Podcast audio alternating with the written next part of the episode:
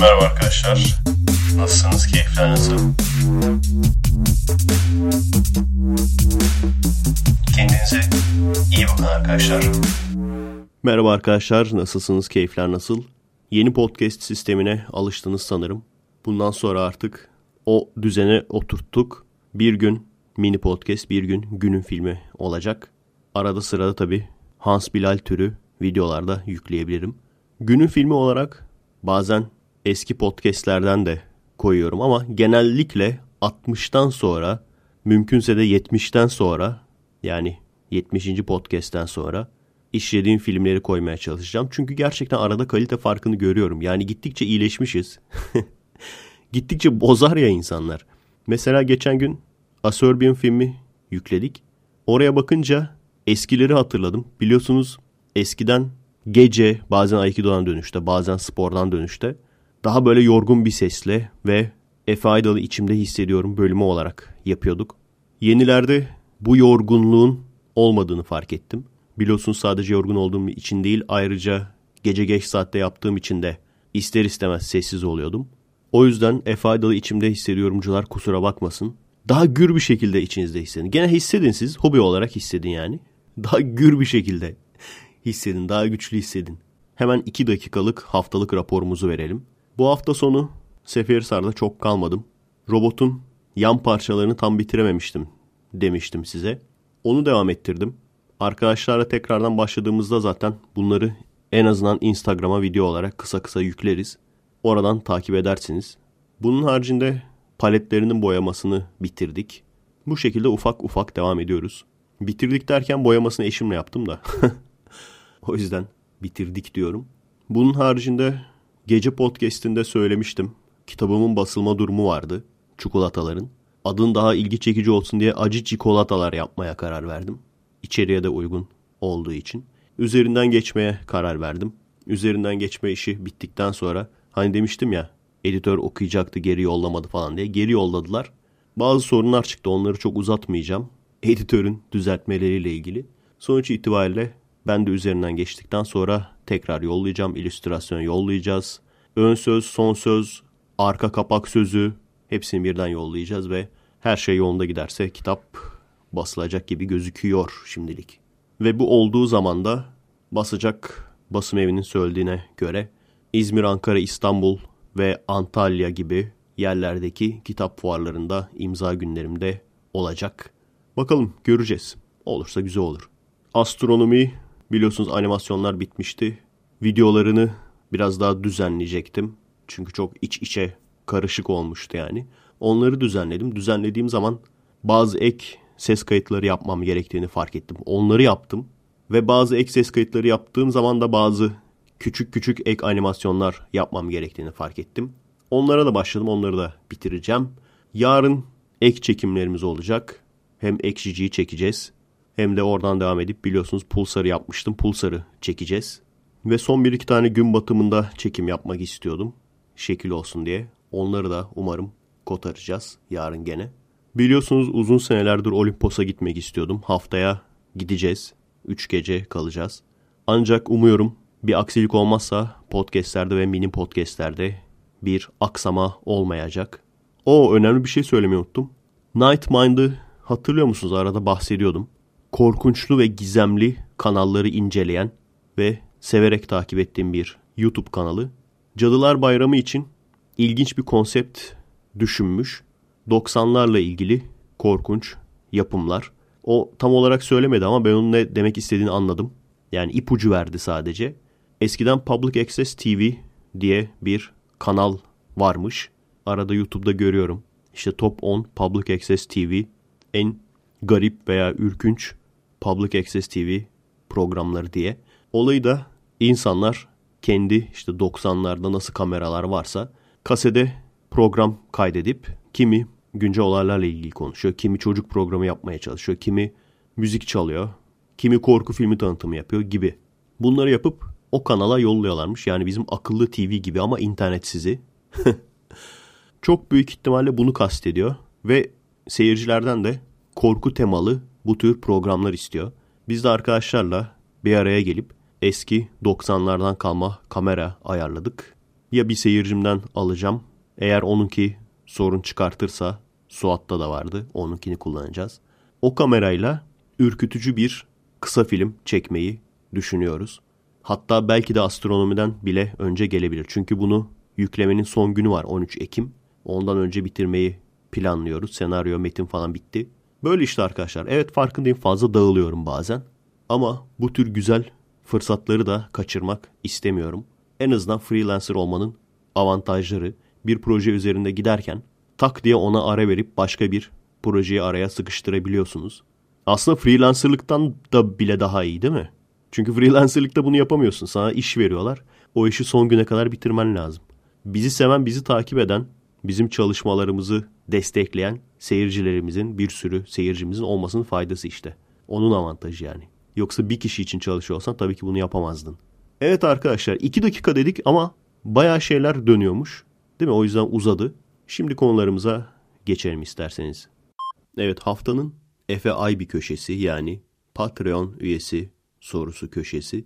Adını silmek istemediğim Tiger 2H isimli yaşayıcımızdan geliyor. Senin de adını söyledim. Senin de gitti memurluğun. Efe abi selamlar. Sana başımdan geçen bir olayı anlatmak ve sonrasında bu tip durumlar karşısında nasıl davranacağımızı sormak istiyorum. Ağır SJW saldırısı altındayım. Durum şu, The Witcher adlı bir dizi ve kitap serisi var. Netflix bu seriyi diziye çekme kararı aldı. Seride çok çok önemli yeri olan bir kadın karakteri zenci ya da Asyalı yapma kararı almışlar. Bu karakterin oyunda da kitapta da kül rengi saçları ve beyaz bir teni var. Ayrıca ırkı serinin hikayesinin temel yapı taşını oluşturuyor. Hikaye bu karakterin ırkı etrafında oluşuyor. Irkı çok önemli ve karakter elf soylarından geliyor. Yani zenci ya da Asyalı olması tüm elf tasvirini de çöpe atıyor. Seriyi seven insanlar olarak karakterin ırk değişimine, parantez içinde hikayeye çok büyük etkisi olacağı için karşı çıktık. Bunu her platformdan yaptık. Reddit, Twitter, Facebook vesaire. Sonrasında inanılmaz bir saldırıya uğramaya başladım. Her yerden ırkçı olduğuma dair mesajlar aldım. Ne geri zekalı olmadığım kaldı ne de ırkçı, faşist, köpek demedikleri kaldı. Bu kişilerin hepsini rapor edip bekledim. En son çok ünlü bir Twitch yayıncısı Twitter üzerinden karakterin renklerine takılmayın tarzı bir şey yazmış. Ben de altına SJW saçmalığını göstermek için bir fotoğraf attım. Daha sonra engellendiğini falan anlatıyor. Geçiyorum öteki paragrafa. SJW'larda bu ifade özgürlüğüne katlanamayıp bana mesaj yağdırmaya devam ediyorlar. Kendimi savunamıyorum bile. Hemen ırkçı, faşist, gerizekalı, cahil sıfatı yapıştırıyorlar üstüme.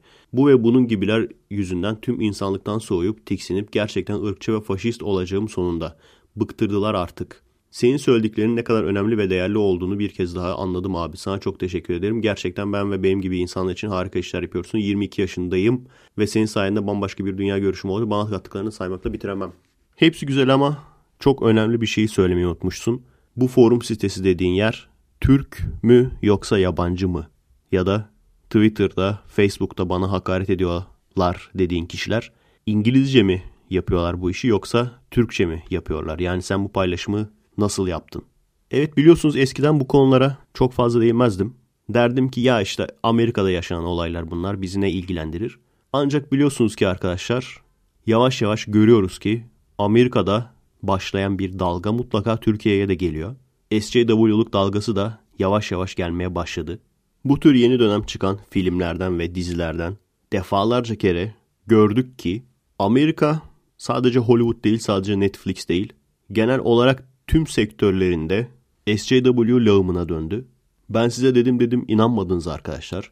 Türkiye'de bir sürü çomar var. Türkiye'de bir sürü ızdırap insan var. Türkiye'de işte solperenler var. Ama en azından bu ızdırap insanlar kadar bizim de sesimiz çıkıyor. Çünkü Amerika'daki gibi SJW'nun üzerinden inanılmaz paralar dönmüyor. Bir. İkincisi de bu adamların derdinin ne olduğunu hala anlayamadım. Yani Hollywood'u ele geçirdiler. Ama Hollywood'u ele geçirdikten sonra neden bazı fikirlerini yayınları üzerinden yeni nesile dayatmaya çalışıyorlar? Bunu anlayamadım açıkçası. Sebebini kesin olarak bilemiyorum. Yani gerçekten de şu işte New World Order bilmem ne insanların beynini yıkamaya çalışıyor. Kitle kontrolü yapıyorlar mı? Yoksa serbest piyasa kafasıyla abi bunlar çok trend oldu şimdi. Bunlar trend oldu biz de buna uyalım. Böylece biz de buna uyarak para kazanmış oluruz. kafası mı bilemiyorum. Biliyorsunuz Battlefield 5'te de aynı şey yaşandı. Tarihi bir savaş ve o savaşta kadın savaşçı diye bir şey yok. Ancak bunlar politik doğruculuk olsun diye kadın savaşçılar eklemişler. Ve insanlar itiraz edince buna o zaman almayın demiş. Yapımcı adam. O zaman almayın demiş ve o zaman almamışlar. Yani en azından şöyle bir şey var arkadaşlar. Bu insanlar sesleri çok fazla çıkıyor olsa da çünkü bazılarının işi bu. Bazılarında işi bu değil ama işi olmadığı için sesi çok çıkıyor. Çünkü adam başka işi yok yani. Her ne kadar sesleri çok çıksa da sayılarının çok olmadığını burada da bir kez daha görüyoruz. Türkiye'de de öyle. Ancak en azından Türkiye'de bunların çok fazla bir sektörü yok. Çok fazla bir para desteği yok yani. Ve sürekli şunu görüyorum. Kalite olarak Hollywood batıyor. Maddi olarak batıyor mu bilmiyorum. Herhalde batmaz. Maddi olarak batacağını sanmıyorum ama kalite olarak gittikçe boka batıyor. Yani ev yemekleri yapan bir lokantayken dünyayı sarmış çok daha fazla kar eden ama McDonald's'a dönmüş fabrikasyon hamburger yaparak para kazanan bir sektöre döndü. Yani nerede 80'lerdeki Hollywood nerede şimdi? Bunu çoğu filmde görebiliyorsunuz. Robocop'un yenisini çektiler ki bence kötü değildi.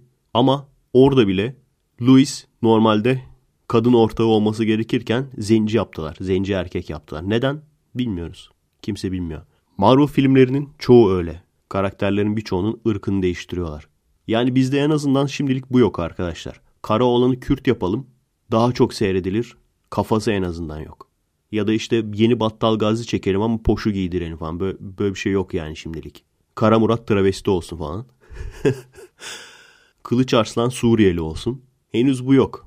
Buradan da evet ekmek yiyenler var ama işte böyle küçük küçük festivallerden falan. En son olan olayı biliyorsunuz.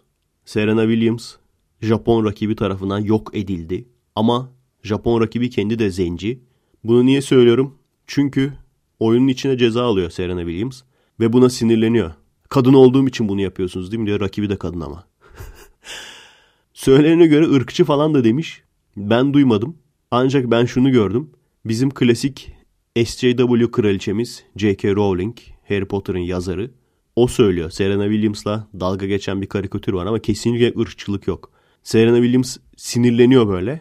Hakem de rakibine diyor ki işte bırak da kazansın diyor. Bak çok sinirlendi falan diyor. Şimdi bunun neresi ırkçı? Değil tabii. Serena Williams'ı beyaz olarak çizseydi keşke. O yüzden bizler cılız bir şekilde evet Türkiye'ye de geliyor bu SJW kafası. Bunu konuşmalıyız, bunu dillendirmeliyiz. Birbirimize destek olmalıyız. İnsanlara yanlış yolda olduklarını anlatmalıyız. Bununla ilgili bir şey daha var arkadaşlar. Birçoğumuzun düştüğü tuzak ırk sevicilik ya da herhangi bir azınlık sevicilik yapıp onların üzerinden prim kasan insanlar yüzünden o ırka veya o zihniyete mesela feminizme veya LGBT olan insanlara bunlara eğer komple düşman olursak ya da sürekli işte ırk kartını oynayan insanlar yüzünden siyah ırka veya herhangi bir azınlığa karşı düşman olursak o zaman bu herifler kazanır. Yani kavganın üzerinden prim yapan, ayrımcılığın üzerinden prim yapan, nefret üzerinden prim yapan bu baştaki ipneler kazanır. İpne derken yanlış anlaşılmasın ben Ahmet Kaya'nın bahsettiği ipnelerden bahsediyorum. Hadi sıkıysa tetiklenin şimdi. Başka bir konuda arkadaşımızın belirttiği üzere kendi fikrini görüşünü söylediğin anda direkt olarak saldırıya uğraman, direkt olarak ırkçı, geri zekalı, aptal, beyinsiz vesaire hakarete ve toplu hakarete maruz kalman. Bunlar genelde birkaç tane sahte hesap almış, genelde sayısı çok olmayan ama bu kadar işsiz güçsüz oldukları için 4-5 tane hesabı olan her birinin ve senin söylediğin bir şey hoşlarına gitmediği zaman topluca sana saldırdıkları bir ortam. Ama sorsan ne derler? İfade özgürlüğü. Bizim burada da öyle değil mi? PKK'nın partisini savunmak ifade özgürlüğü ama onu eleştirmek faşistlik. Onu eleştirdiğin zaman toplu olarak saldırırlar sana. Zamanında gençken Ekşi'de de görüyordum bunu çok. O zamanlar yazardım. Şu an sanırım değişti. Yani daha çok her her kafadan daha çeşitli düşüncelerde insanlar var şu an sanırım. Gerçekten bu insanlarla iletişim kurmak zor. Özel taktik istiyor. Çünkü normal bir şekilde anlattığın zaman zaten senin gibi insanların yani diyalog açmak isteyen, yanlışlıklarını insanlara söylemek isteyen kişilerin farkında oldukları için senin ile SJW olan insanların yani kandırılan o insanların iletişim kurmalarını istemiyorlar. İstemeyen bir kesim var. Sen konuştuğun zaman sana odaklanmış bir şekilde saldırarak seni susturmak istiyorlar o yüzden. Ben neler yapıyorum bu konuda? Tabii ki her insan farklı şekilde, farklı stratejiyle hareket ediyor olabilir. Mesela çok sabırlı biriyseniz yorumlarda bu insanlarla konuşmaya çalışabilirsiniz. Ama ben faydası olacağını düşünmüyorum. Neden? Karşındaki insanın zaten kötü niyetli olup olmadığını bilmiyorsun. Karşındaki insan kandırılmış ve ciddi böyle mi düşünüyor? Yoksa bu işten prim yapan ve diğerlerini galeyana getiren o provokatör gruptan mı onu bilemezsin. Eğer provokatör gruptan ise hiçbir şekilde bu insanlarla iletişim kuramazsın, derdini anlatamazsın. Türkiye'de de var. Bunları görüyoruz. Yani konuşmaya çalıştığın zaman konuşmaya niyeti olmayan, çünkü zaten provokasyon üzerinden ekmeğini kazanan, provokasyon üzerinden primini yapan adamlar. Bunlarla konuşamazsın. O zaman nasıl yapıyorum ben? Mesela Kırmızı Hap gibi videolar yapıyorum. Kırmızı Hap 1'de dinle ilgili konuştum. Kırmızı Hap 2'de uyuşturucu, 3 evrim. Biliyorsunuz özellikle 2'de bile vardı ama 1 ve 3 çoğu insanı tetiklendirici konular. Ve Kırmızı Hap 4'te de yine Türkiye'deki SCW'luk ile ilgili konuştum. Burada ne yaptım? Burada aşırıya kaçmadım. Çünkü birçok arkadaşımız ters tepki olarak aşırıya kaçıyor. Daha önce de söylediğim gibi karşıdaki insana, karşınızdaki insanın eline koz verirsiniz. Karşınızdaki insan da bunu istiyor. Sizin de karşı aşırı olmanızı istiyor. Aşırıya kaçmadım. Sakin bir şekilde, düzgün bir şekilde derdimi anlattım.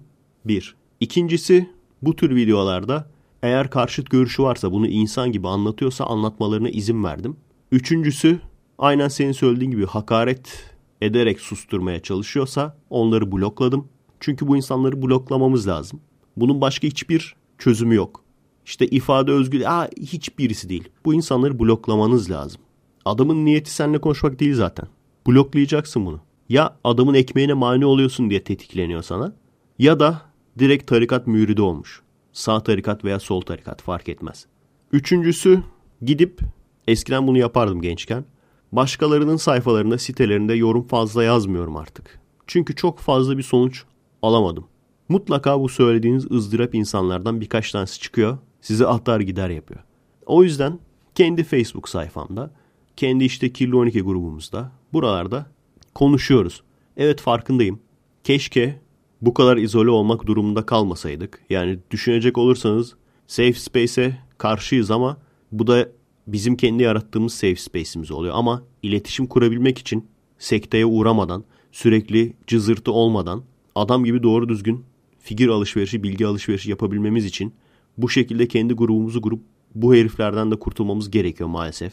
O yüzden işte Twitch'çi seni engel engelleyecek tabii yani. Her ünlü bunu yapıyor. Yani ona fazla takılmaman lazım. Yani SCW'ların kullandığı agresif tutumu senin de diğer taraf olarak gene aynı agresiflikte kullanmaman lazım. Ben o yüzden biraz da Amerika'dan buraya geldim diye mutluyum. Ben o ızdırap insanları çekemezdim yani. Hem ülkenden uzaktasın, daha böyle medeni insan bekliyorsun. Ondan sonra bir bakıyorsun bunları görüyorsun. Haydi. Batı'nın bu sorununu çok görüyorum arkadaşlar. Yani Amerika'dan daha medeni Batı ülkelerinde bile insanlar buralarda ne olduğunu bilmedikleri için basın onlara ne yediriyorsa ona inanıyorlar. Ve onu gerçek sanıyorlar. O yüzden çok kolay, net, basit bir şekilde manipüle edilebiliyorlar. Size ilginç bir şey söyleyeyim. Benim kendi düşüncem. Kafamdaki çekmek istediğim konuları Türkiye'de çekme ihtimalim Amerika'da çekme ihtimalinden daha yüksek desem inanır mısınız bana? Bana öyle geliyor. Yani Hollywood bitme noktasına geldi. Predator'un yenisini çektiler. Allah belanı versin yani. Nerede Predator 1? Nerede seneler sonra müthiş paralar ve müthiş teknolojiyle çekilen 2018 Predator? Oyuncak oldu ya. Bu herifler de oyuncak sattırmaya çalışıyorlar herhalde. Predator oyuncağı sattırmak için çektiler böyle bir şey. Adamların R-rated'ı da bozdu ha. Farkında mısınız bilmiyorum. Eskiden hard R diye bir şey duyuyordum. Yani çok fazla kanlı, işte iç organlı falan. Bana soracak olursanız mesela Paul Verhoeven filmleri hard R sayılabilir. Yani neredeyse NC 17'ye doğru giden filmler. Sanıyorum yanlış hatırlamıyorsam şey de var. I Spit On Your Grave yenisi. Bunlara hard R deniyor. Demek ki bir de soft R varmış. Deadpool R-rated yani. Bu yeni dönem R-rated filmler yani yetişkin filmleri de Böyle oluyor artık. Soft R. Sonuç olarak özet geçmek gerekirse çok fazla muhatap olmayın arkadaşlar. Yabancıysa hiç artık ben konuşmuyorum bile. Bu tür yabancı SJW kanallarında. Hiç yorum falan yazmıyorum bile. Yazacaksanız da doğru düzgün yazın. Size küfürlü veya hakaretli cevap verirse o zaman siz haklı duruma düşersiniz. Screenshot alıp gösterirsiniz. Önemli olan bu. Ben şeyi hatırlıyorum. Barack Obama'ya Ermeni soykırımı ile ilgili bir soru diye video çekmiştim. O kadar basitti ki. Bunu daha önce söyledim galiba değil mi? O yüzden kısa geçeceğim. Neden? İtilaf kuvvetlerinin çok daha fazla insanları katlettiği katliamlardan bahsetmiyorsunuz. Yani neden katliam ayrımı yapıyorsunuz? Gerçekten öyle. Bu soruyu sormuştum. Şeyi geçtim. Alta komple küfürleri geçtim. Uzun süre sonra onu hatırlıyorum. Uzun süre sonra en çok yorum aldığım videoydu. Onu geçtim. Her videoma bir yıldız basmaları. Yani kedi videosu yüklüyorum ona da bir yıldız basıyorlar topluca. Şu anda çok belli değil tabi. Çünkü mesela 20-30 kişi bir basmış. O zamanlar çok fark ettiriyordu. 3-4 tane beğeni varken 30 tane dislike var. Yani bu heriflerin taktikleri değişmedi arkadaşlar. Bu kasıtlı yapılan bir şey. SJW'luk yaratılıp kendilerini iyi insan olarak gösterip kendileri iyi insan ve düşünceleri iyi düşünce olduğu için onlara karşı gelenler de otomatikman kötü adam olduğu için kötü adama da istediğin şekilde saldırabileceği için sözlü bir şekilde bu durum ortaya çıkıyor. Bunların bağlantılı olduğunu düşünmüyor musunuz? Yani hepsinin aynı emperyalist güçlerin aynı emperyalist kafasının farklı kolları olduğunu düşünmüyor musunuz? O zaman bir de son olarak George Soros'un fonladığı dernekler diye yazın, onları arattırın. İngilizce veya Türkçe başka bir şey söylemeye gerek yok herhalde. Bizim mahalledeki Akit gazetesi yine ilginç bir haber yazmış. Haber yazmış diyorum haberleri çünkü büyük ihtimalle kendi akıllarına gelmiş böyle bir haber yapalım diye. Günden falan diyor. Yani böyle bir olay mı oldu? Olan bir olayı aktarmıyorlar ki adamlar kafalarına göre böyle bir haber yapalım demişler. Neyse. Ne yazmışlar bakalım. Evlilikte İslam'ın kriteri blue, blue çağı. Bunu şimdi kendi sitelerinden okuyorum.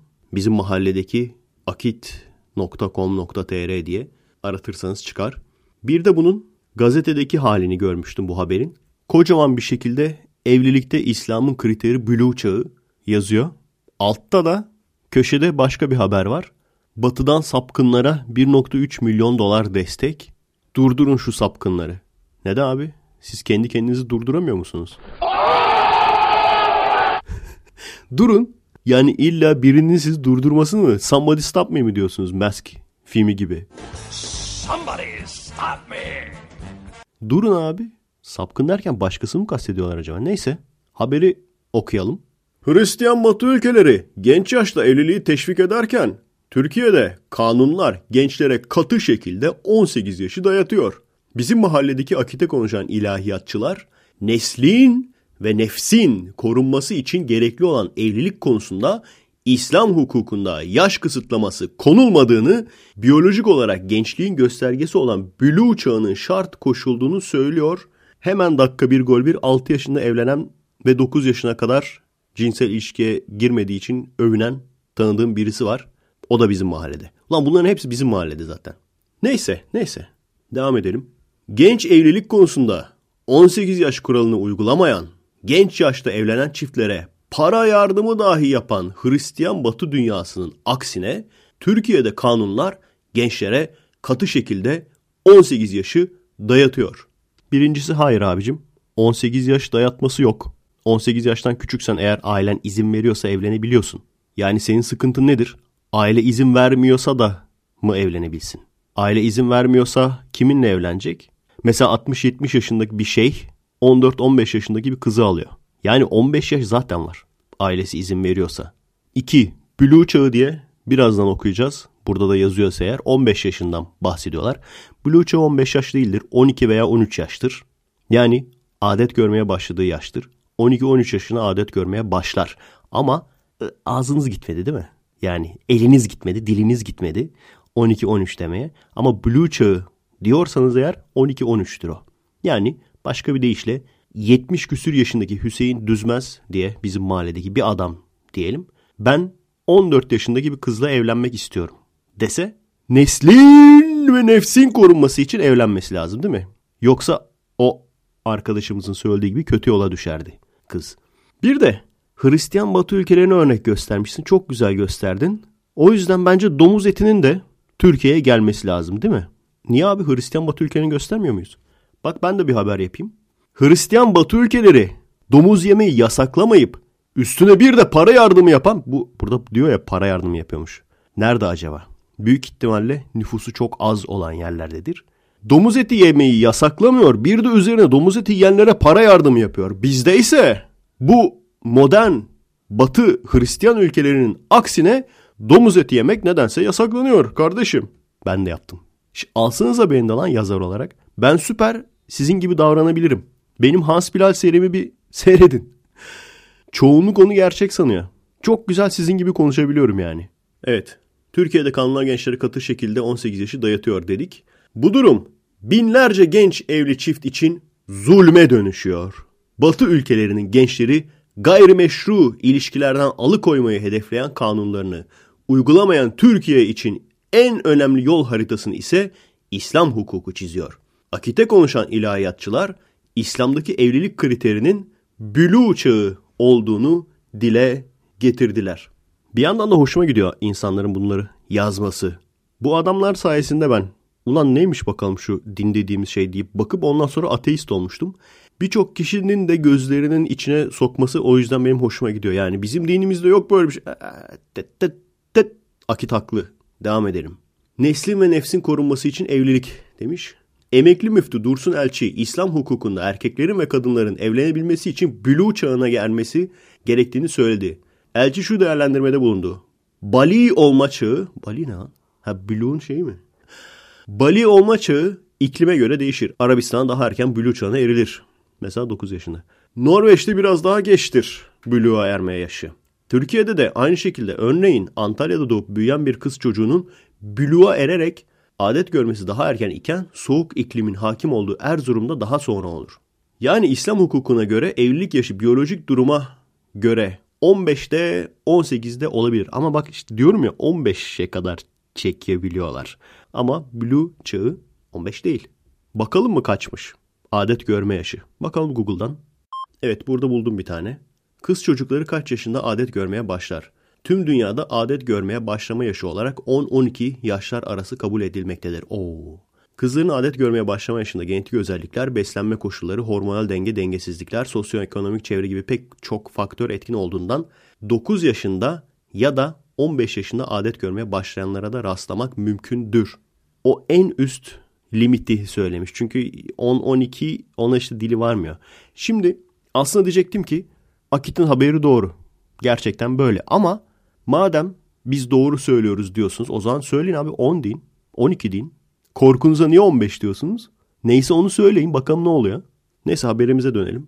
Evlenmenin amacı nefsin ve neslin korunmasıdır. Nesillerin korunması için evliliklerin önünü kapatmayıp aksine açmak gerekir. Evliliğin önünde dikenli teller örmek ancak nesilleri tehlikeye atmak isteyen şer güçlerinin silahı olabilir. Reşitlik yaşının tespitinde pardon din görevlilerine başvurulabilir. Gençler üzerinden nikah saldırıyorlar demiş. Necmettin Erbakan Üniversitesi Temel İslam Bilimleri Ana Bilim Dalı Başkanı Profesör Doktor Orhan Çeker. Şimdi mükemmel bir biyolojik evet bak bak nasıl da söylüyor. İslam evlilik için belli bir yaş koymamıştır. İnsanlar biyolojik olarak evliliğe elverişliyse nikahlanabilir dedi. What the fuck is biyolojik olarak evliliğe elverişlilik? Bak burada da. Blue çağı coğrafyadan coğrafyaya değişebilmekle birlikte 2 ila 3 yaş arası fark edebilir. Ortalama 15 yaşını bitiren bir kişi 16 yaşında gün aldığında genç statüsünde hayır abicim işte. Blue çağı, ovülasyon, menstruasyon, karşı cinse ilgi duyma bunların hepsi 10-12 yaş arası. Niye söylemiyorsun? Bakalım ona da bakalım. Blue çağı yaşı kaçtır?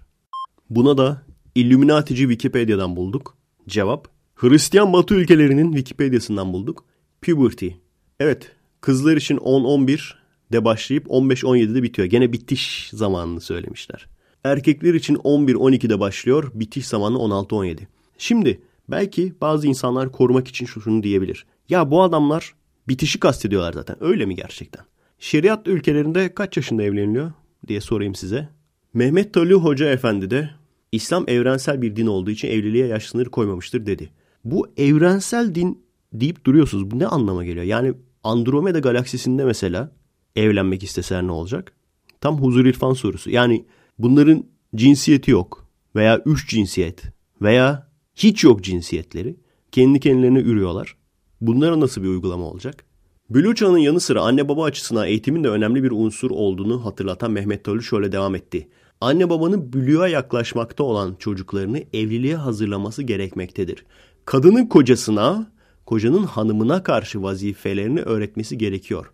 Bu yönüyle hazırlıklı bir şahıs Blue'a erdiğinde ve evlenme imkanına da sahip olduğuna nikahlanabilir. Ait. Bak gene kaçak dövüşüyorsunuz. Söylesene kadının kocasına olan görevini. Niye yazmıyorsun abi? Merak ediyorum. Ben evleneceğim. Benim hanımıma karşı olan görevim ne? Bir de hanımın bana karşı olan görevi ne? Ben merak ediyorum. Evet bunlar ne lan? Parantez açmış. Relation ID 2 nokta üst üste 509.555 slug 2 nokta üst üste bu zulüm bitsin. Relation ID 509.954 slug 2 nokta üst üste bu yasa zinayı teşvik ediyor. Ne oluyor lan? Darbe şifresi mi yoksa? Bir incelensin bence. Bu böyle slug. Slug biliyorsunuz arkadaşlar şeye de deniyor. Boş mermi kovanlarına da deniyor. Salladım şimdi ama öyle bir şeydi galiba değil mi? Bak bir slug daha var. Relation ID 510.830 slug 2 nokta üst üste. Batıda teşvik bizde hapis. Bu sluglar ne acaba? Evet arkadaşlar bu konu hakkında ne düşünüyorsunuz? Aslına bakarsanız güzel bir tartışma konusu. Çünkü dedim ya adamlar gazeteye manşet kısmına bu haberi koyup köşeye de bu sapkınları durdurun diye tabii ki LGBT'den bahsediyorlar. Bunun hakkında ne düşünüyorsunuz arkadaşlar? Yani bu olayın, bu tutumun hakkında ne düşünüyorsunuz? Aslında söylenebilecek çok şey var. Çünkü bir de bunun karşıt ızdırap kesimi var. İşte dinde böyle şeyler yoktur, uydurmadır diyen vardır abiciğim. Çatır çatır vardır. Vardır dediğim için dava açacaksanız akite de açın.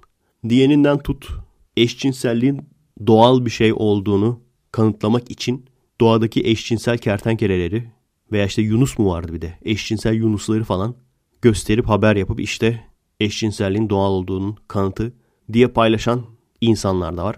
Ben de onlara cevap olarak eşcinselliği savunmak adına doğadan örnek verecekseniz eğer doğadan pedofili örneği de var, doğadan tecavüz örneği de var. Yani başka bir deyişle bunlar doğal diyerek bunu savunmanın mantıksız olduğunu anlatmaya çalıştım. Çünkü doğada iyilik olduğu gibi kötülük de var. Doğal olan her şey iyidir anlamına gelmiyor veya doğal olan her şey doğrudur anlamına gelmiyor. Aslanların yaptığı çocuk katliamları var biliyorsunuz. Ben bunu paylaştığım zaman da yani bu cevabı verdiğim zaman da tabii ki o paylaşımımı paylaşıp işte Efe Aydal'ın çomar olduğunu kanıtı falan. Evet aynen. Ama şey eksik kalmış. Faşist Efe Aydal eşcinseller ölsün dedi. Eksik kalmasın bir tarafınız şişmesin. Faşist Efe Aydal eşcinseller ölsün. Al mutlu musun? Neden iyi bir tartışma konusu dedim arkadaşlar. Çünkü birincisi adamların söylediği doğru. İslam'a göre Blue çağında evlenmek serbest. Ancak haklısınız demiyorum çünkü tepki almamak için kaçak dövüşmüşler. Blue çağını 15-16 gibi göstermişler. Burada yanlış anlaşılma da olamaz. Neden olamaz? Çünkü daha önce söyledik şeriat ülkelerindeki evlilikleri biliyoruz. Adet görmeye başladığı anda 10, 11, 12 bu zamanlarda evlendiriyorlar. Yani çok büyük ihtimalle önce bir 15'e indirelim ondan sonra adım adım indiririz gibi düşünmüşlerdir. İkincisi gene tepki çekmemek için sanki 15 yaşında 16 yaşındaki insanların birbiriyle evlenmesini savunuyorlarmış gibi. Ama bu kanun eğer ortaya çıkarsa yani evlilik yaşı 15 olacak. Aileden falan izin bizim hiçbir şeye gerek yok. Evlilik yaşı 15. Sizce ne olacak? Oğlum adamların zaten reisi yani.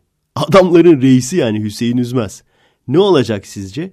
bu kanun çıkarsa bu sapkınlığı durdurun falan diyor. Ulan siz durdurabildiniz mi zamanında? Adamı bütün gazete bir oldunuz durduramadınız yani. Bu arada %500 bu videoda demonetize olacak. Başka bir deyişle aslında hiç yüklemesem de olur bu videoyu. Çünkü reklam koymuyorlar. Böyle tartışmalı konular olduğu için. Ama daha önce de söylemiştim arkadaşlar. YouTube'un reklam diktatörlüğüne boyun eğmeyeceğim konuşulması gerektiğini düşündüğüm ne tartışma konusu varsa burada konuşmak istiyorum onları. Bu da onlardan bir tanesi. Şimdi gelelim neden 18 yaş diye bir sınır var. Sana yani bu haberi yazan arkadaşlara anlatmaya çalışacağım. Çünkü eğer eğitimini bile tamamlamadan bir kızı evlendirecek olursan onun hayatı biter. Onun tek işi çocuk bakmak olur. Birinin karısı olmak ve çocuk bakmak olur. Bu kanun kadınlara biraz da olsa şans tanımaya çalışmanın kanunlarından bir tanesi. Tabii ki tek başına bu da işe yaramaz. Çünkü neden? Türkiye'de herhangi bir yerden baskı altında olmayan, hani ailesi tarafından zorla evlendirilen falan değil ama yine de o zihniyetle yaşamış, o zihniyetle büyümüş, sadece aile değil arkadaş ortamı olsun, televizyon olsun. O zihniyette olduğu için herhangi bir vasfı olmayıp birisinin kız arkadaşı olayım, birisinin sevgilisi olayım veyahut birisinin karısı olayım kafasıyla yaşayan kadınlar var ki bunları hiçbir kanun zaten kurtaramaz. Yani istersen 30 da evlenme yaşına 30 yaşına gelene kadar koca bekleyecek. Bir şey değişmeyecek yani. O yüzden ikinci aşama olarak zihniyeti de değiştirmemiz lazım.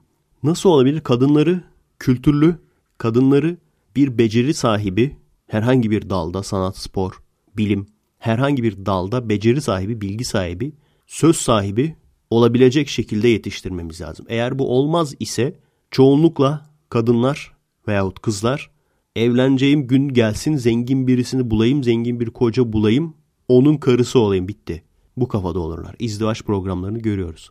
Onların kaç tanesi baskı altında ki? Hiç baskı altında olmayanlar da var. Onlar da aynısın diyor. Beni diyor çalıştırmasın diyor. Beni rahat ettirsin diyor. Allah seni belanı versin. O zaman hiç seni nasıl rahat ettirsinler biliyor musun? Bağlasınlar yatağa. Tamam mı? Yatağa bağlasınlar. Sen hiç oradan çıkmana gerek kalmasın. Yemek yemene de gerek kalmaz. Rahat ettirsinler yani seni. Ağzına beslesinler yemeği.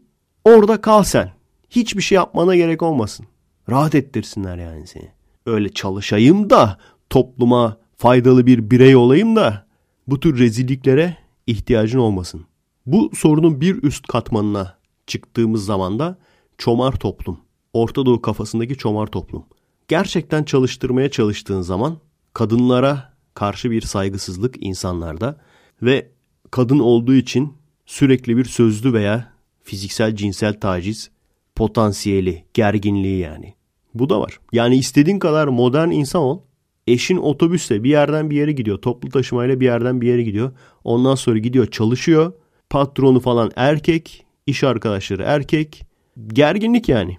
Çünkü biliyorsun ki otobüste tacize uğrama ihtimali var. İş yerinde tacize uğrama ihtimali var. İş yerinde belki sürekli tacize uğruyor. Sözlü veya fiziksel. Bunlara karşı yaptırımlar yeterli mi? Bir sonraki katmanda bu. Bunun da yeterli olması lazım. İşte ben başa geldiğim zaman sen bir kadın taciz ettin mi? Of! Of of! Yani olmayacak o iş. Ne yaparım bilmiyorum açıkçası. Şimdi uf muf dedim ama yani bunun bir daha tekrarlanmamasını garanti edecek bir şey yapmamız lazım. Çok aşırıya da kaçmamak lazım değil mi? İşte taciz etti. Uf yavrum dedi. Adamı gidip de bubbaya yani laf atanı uf yavrum diyeni uzaktan öpücük yollayanı da bubbaya vereceksen o zaman adam kalmaz memlekette. Aşama aşama çok aşırı çomarsa direkt at ülkeden. Az çomarsa mesela çok ısrar ediyor bir kızla çıkmak istiyor. Kız da istemiyor. Bu artık yani tacize girecek şekilde ısrar ediyor falan. Hani ona da al bilinçlendir. Bilişsel öğretimle bilinçlendir. Ne bileyim küçük bir hapis cezası ver falan.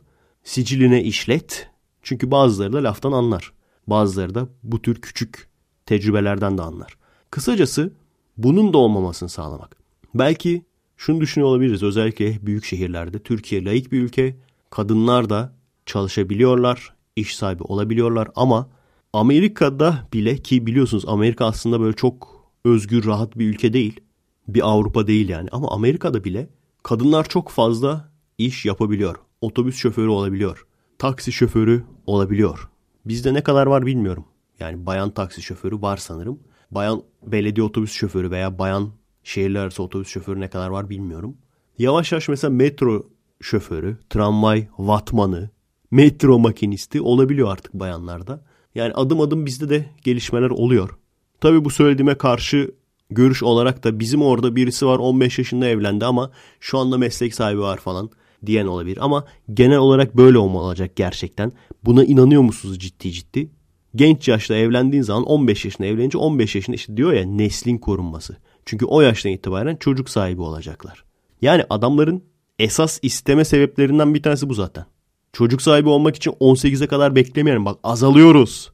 Azalıyoruz. Biraz artmamız lazım. 15 yaşına itibaren tamam çocukları yapmaya başlayalım. Siz inanıyor musunuz ciddi ciddi işte o 25 yaşına gelip 3 tane çocuk sahibi olan kadının bir işe gireceğine?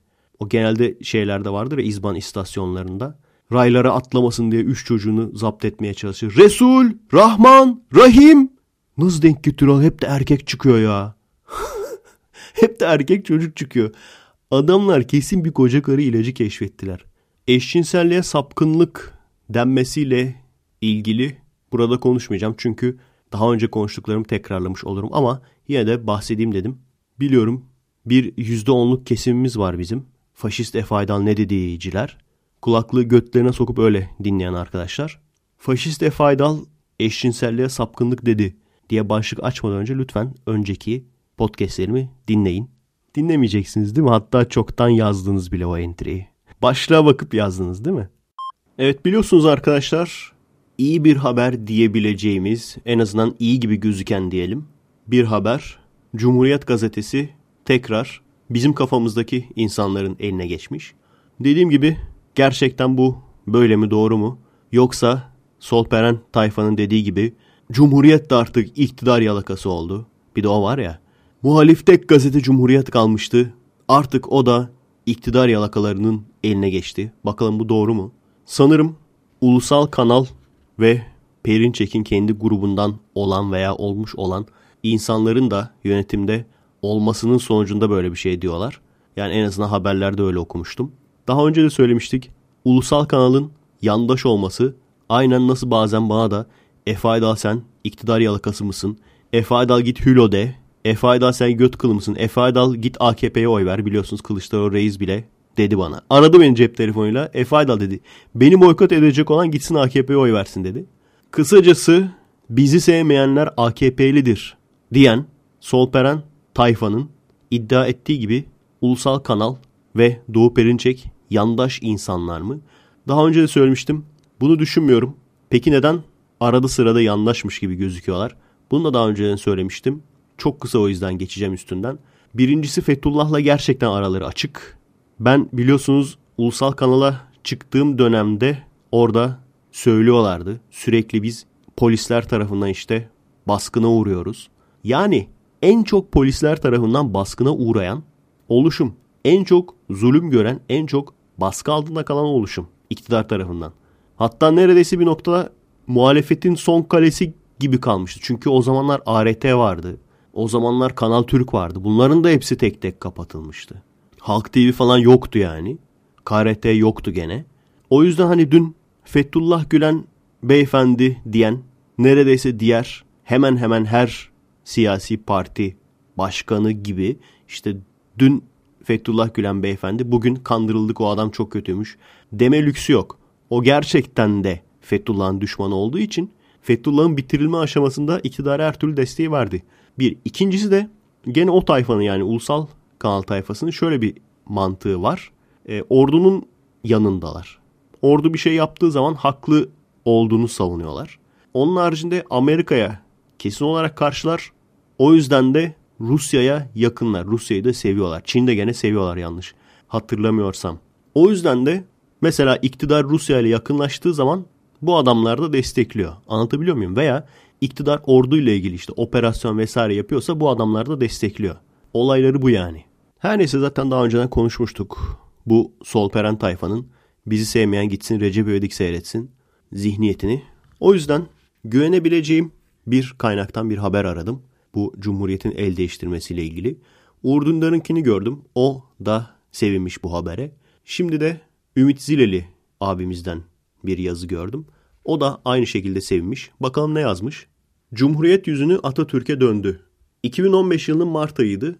Cumhuriyet gazetesinin birinci sayfasına şöyle bir başlık atılmıştı. Meydan okudu. Kimdi meydan okuyan? Cumhuriyeti çökertme tezgahı için kurulan, yüzlerce insanın yıllarca zindanlarda çürümesi için her türden alçaklığa imza atan The Taraf gazetesinin kumpasları başarıyla sonuçlandıktan sonra sırra kadem basan ilk genel yayın yönetmeni Ahmet Altan'dı. Hatırlıyor musunuz Tarak gazetesi videosunu? o zamanlar ne adlar yapmışlardı Uludağ Sözlük'ten, Ekşi Sözlük'ten falan. Neyse Ve ne acıdır ki bu mektubu yayınlayan gazetenin Cumhuriyet Vakfı adına ilk sahibi İlhan Selçuk ve Ankara temsilcisi Mustafa Balbay da daha ayrı yazılar abi. O alçaklığın hedefine oturtulmuş o kişiler arasındaydılar. Peki kime meydan okuyordu bu muhterem? O yollarda beraber yürüdüğü, iğrenç haberleri birlikte hazırladığı, Cumhuriyet 1923'te kuruldu, 2008'de arınıyor türü, ahlaksız manşetleri birlikte hazırladığı eski arkadaşlarına, The tarafın o zamanki yazı işleri müdürü Yıldıray Oğur, el birliği ile hazırladıkları kumpaslar nedeniyle nedamet getirmiş ve hiç unutulmayacak şu iki sözcüğü kullanmıştı. Kullanışlı aptallarmışız. İşte bu açıklama pek ağrına gitmişti efendinin. Kanına girdiği, intihara sürüklediği, onulmaz hastalıklara yatırdığı insanların ahları vicdanına dokunmamıştı da kullanışlı aptal sayılmak pek canını sıkmıştı. O da eski arkadaşlarına şu sözlerle meydan okumuştu. Alçak! Birkaç kuruşluk o da hizmetçisi.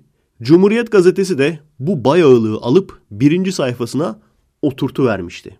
Uzun yıllar büyük bir gururla çalıştığım Cumhuriyet gazetesinin hangi ufuklara yelken açtığını gösteren bu düzeysiz örnek üzerine hemen ertesi gün misyoneri savunan Cumhuriyete yazık başlıklı bir yazı kalemi aldım. Son bölümünü paylaşmak istiyorum. Cumhuriyette 16 küsür sene çalıştım. Düz çizgi köşesinde yüzlerce yazı kalemi aldım. Radyo Cumhuriyeti kurdum ve yönettim. Birçok haber ve röportaja imza attım. 2013 Ağustos ayında ise ayrıldım. Bu konu ile ilgili hiçbir yerde en ufak bir açıklama da yapmadım. Gazetenin bugün geldiği noktada niçin ayrılmaya karar verdiğim gayet açık bir şekilde anlaşılıyor sanırım. Cumhuriyet ne yazık ki artık o eski cumhuriyet değil. Uzaklara gitmeye hiç gerek yok. Dün Ahmet Altan'ın mektubunu meydan okuyor başlığıyla veren gazete nereye savrulduğunu çok net biçimde ilan etti. Evet biliyorsunuz arkadaşlar son dönemde artık iyice çıldırmıştı yani Cumhuriyet. Ahmet Altan'ı falan aldı lan adamlar. Bizimkiler hala diyordu ki abi Cumhuriyeti sevmeyen Recep İvedik'e oy ver. Oğlum ne oldu? Ahmet Altan'ı aldılar yani. Daha kimi alsınlar? Ciddiyim bir dakika. Ciddiyim. Mesela bir şey diyeceğim.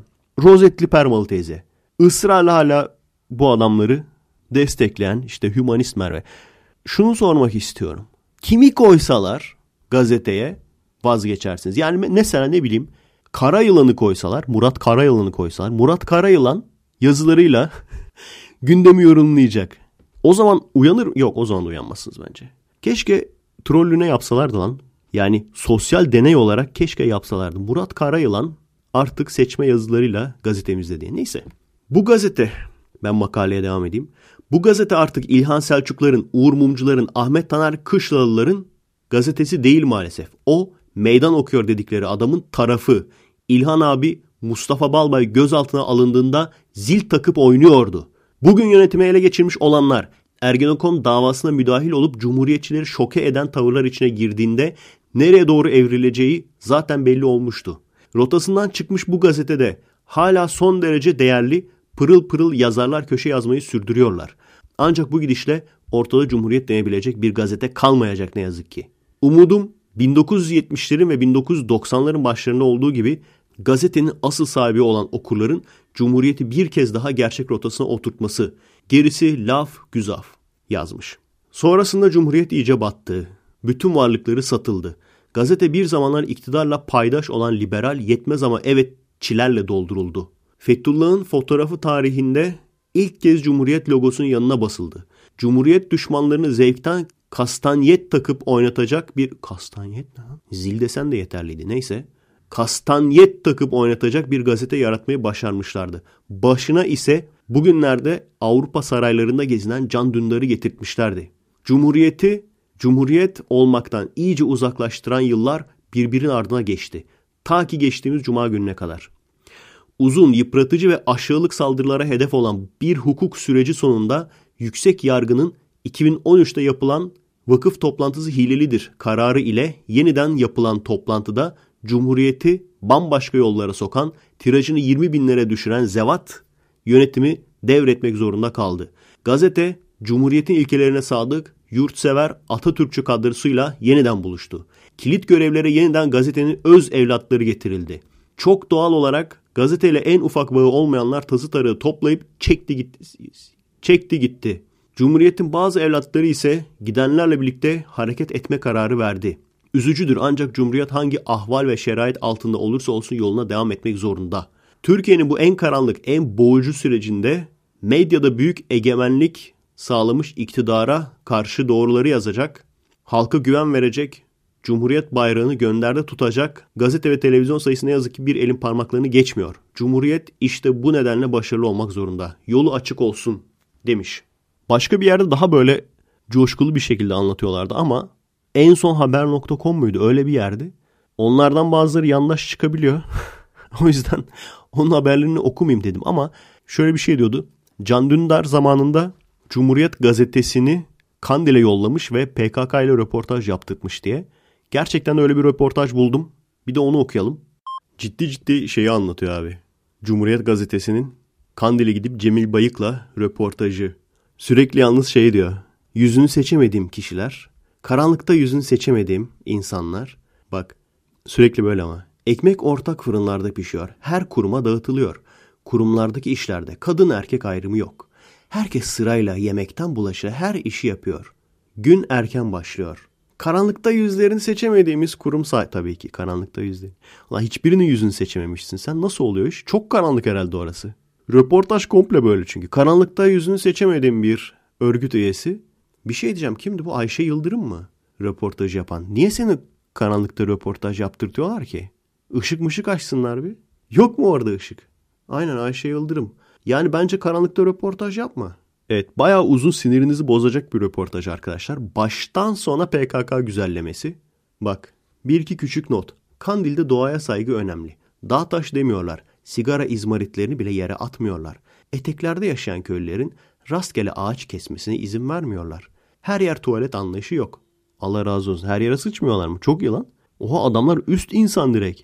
Kurumların özel tuvalet alanları var. Komünal bir yaşam var. Evet Neyse neredeydik? Karanlıkta yüzlerini seçemediğimiz kurum sahipleriyle peynir, ekmek, zeytinden oluşan kahvaltımızı yapıp vedalaşmaya hazırlanıyoruz. Fotoğraf çekme isteğimiz kibarca reddediliyor. Beni çekerseniz ananızı sikerim. Amına koyduğumun çocukları. Çek çek yarrağı mı çek yarrağı mı? Çekme ananı bacını sikeyim çekme. O karı inamına koyun çekme. Yavaş yavaş. O karı inamına koyun çekme. Çek bacını da sikeyim mi çek. Ölmüşlerini siktikleri. Güvenlik nedeniyle izin verilen yerler ve kişiler dışında fotoğraf çekiminin yasak olduğu söyleniyor. Bir tane gönüllü Alman doktor varmış. Medya kod adı Alman bir doktor Kürtçe konuşmaya başlıyor. Bilmiyoruz deyince Türkçe'ye dönüyor. Tabii ki bilmiyorsun abi. Bak ne demiş. Almanya'da 6 yıllık doktordum. Kürdistan'dan arkadaşlarım vardı. O kadar çok şey anlattılar ki ben de önce Türkiye Kürdistan'ına geldim. Arkadaşlar Cumhuriyet. Karşınızda Cumhuriyet, eski Cumhuriyet. Bravo. Türkiye Kürdistan'ı. İlk gelişimde bir ay kaldım döndüm. Dayanamadım sonra bir ay daha geldim. Bu kez 6 hafta kaldım. Mücadelelerini gerçekleştirmek istedikleri şeyi kendime yakın buldum. Ve temelli gelmeye karar verdim. Bu kez doğrudan Kandil'e geldim. 10 yıldır buradayım. Gelip buraya yerleştirdikten sonra aileme durumu mektupla bildirdim. Almanya Fransa çalışıyor arkadaşlar. Almanya Fransa çalışıyor. Evet arkadaşlar bir yandan da üzücü tabii. Yani Cumhuriyet Gazetesi gibi bir gazetenin bile gidip PKK ile bu şekilde röportaj yapması ve bu şekilde güzellemesi zamanında Batı propaganda yönteminin, sisteminin bize göre ne kadar etkili, çok daha fazla etkili olduğunu gösteriyor. Bizdeki basit propaganda yöntemini bilirsiniz. Yani bizdeki derken genelde Orta Doğu'da gördüğüm bir şey sömürmek, işte din sömürmek, milliyetçilik sömürmek veya alt kimlik sömürmek. Bu adamlarınki çok daha komplike, çok daha gelişmiş. Yani senelerce mükemmelleştirmişler bunu.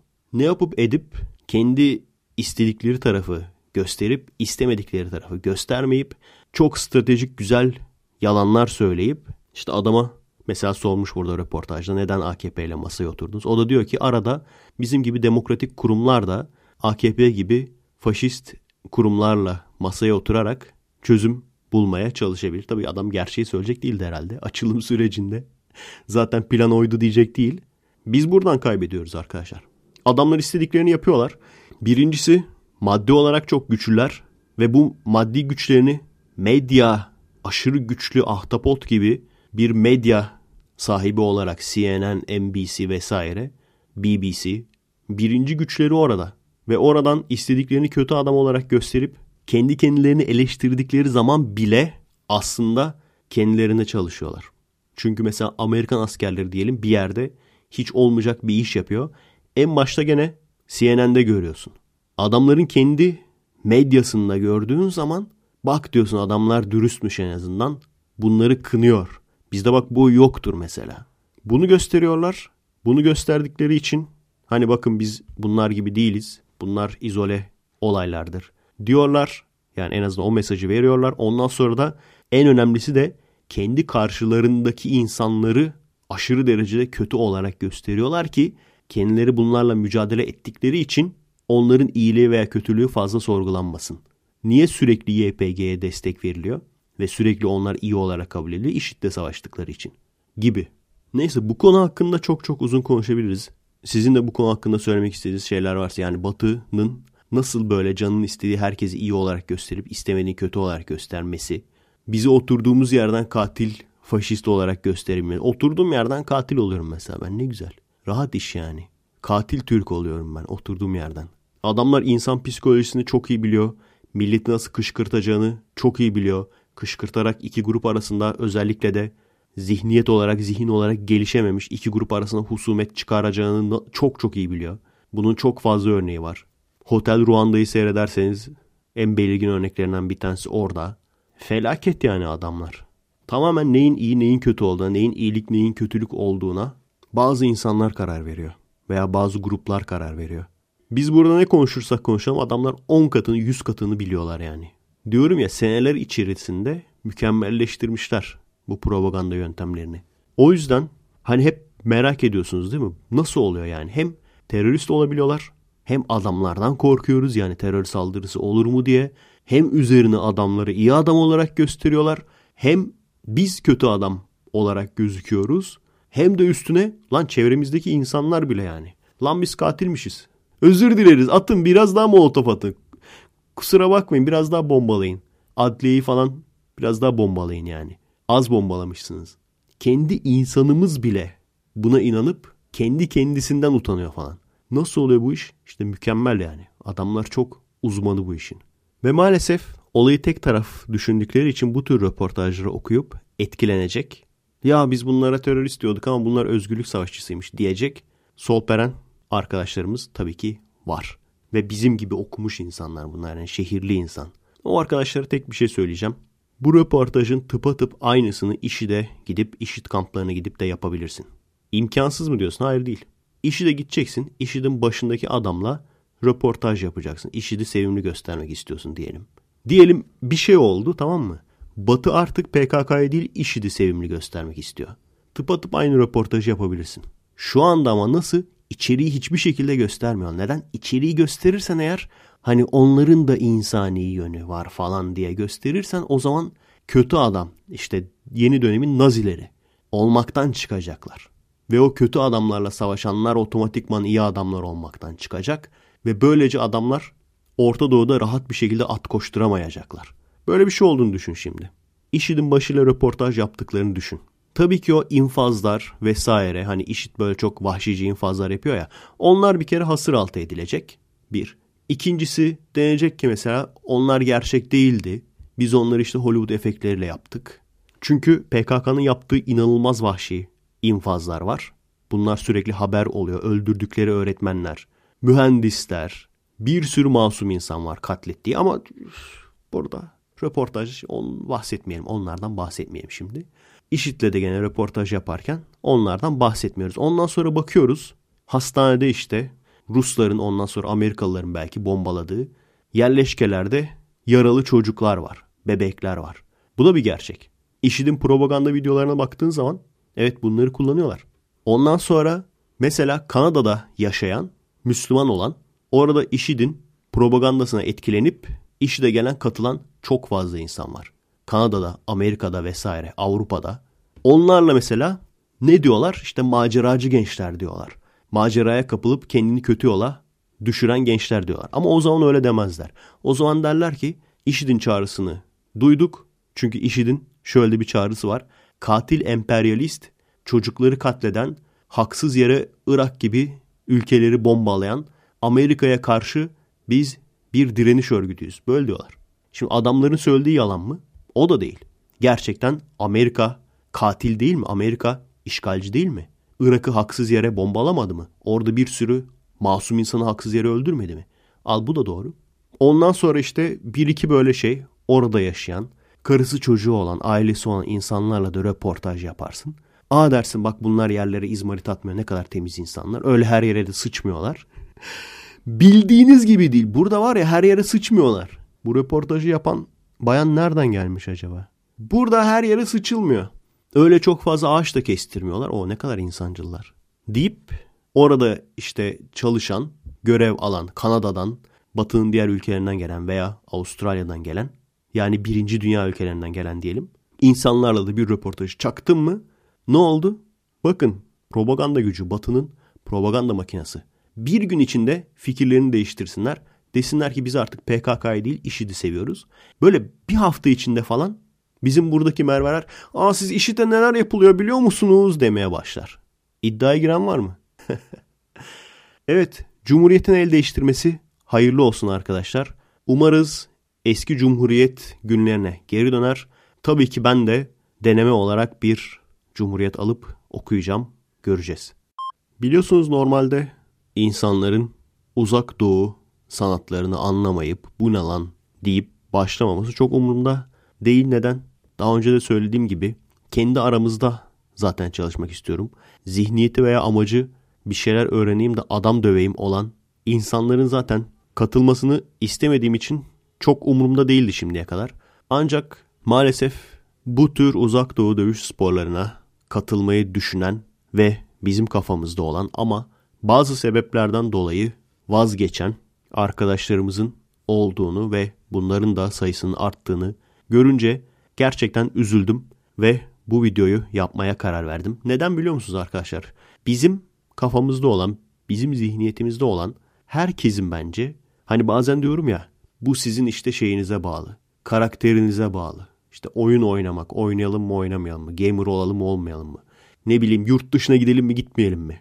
Çoğu şey insanın karakterine bağlı, yaptığı işe bağlı.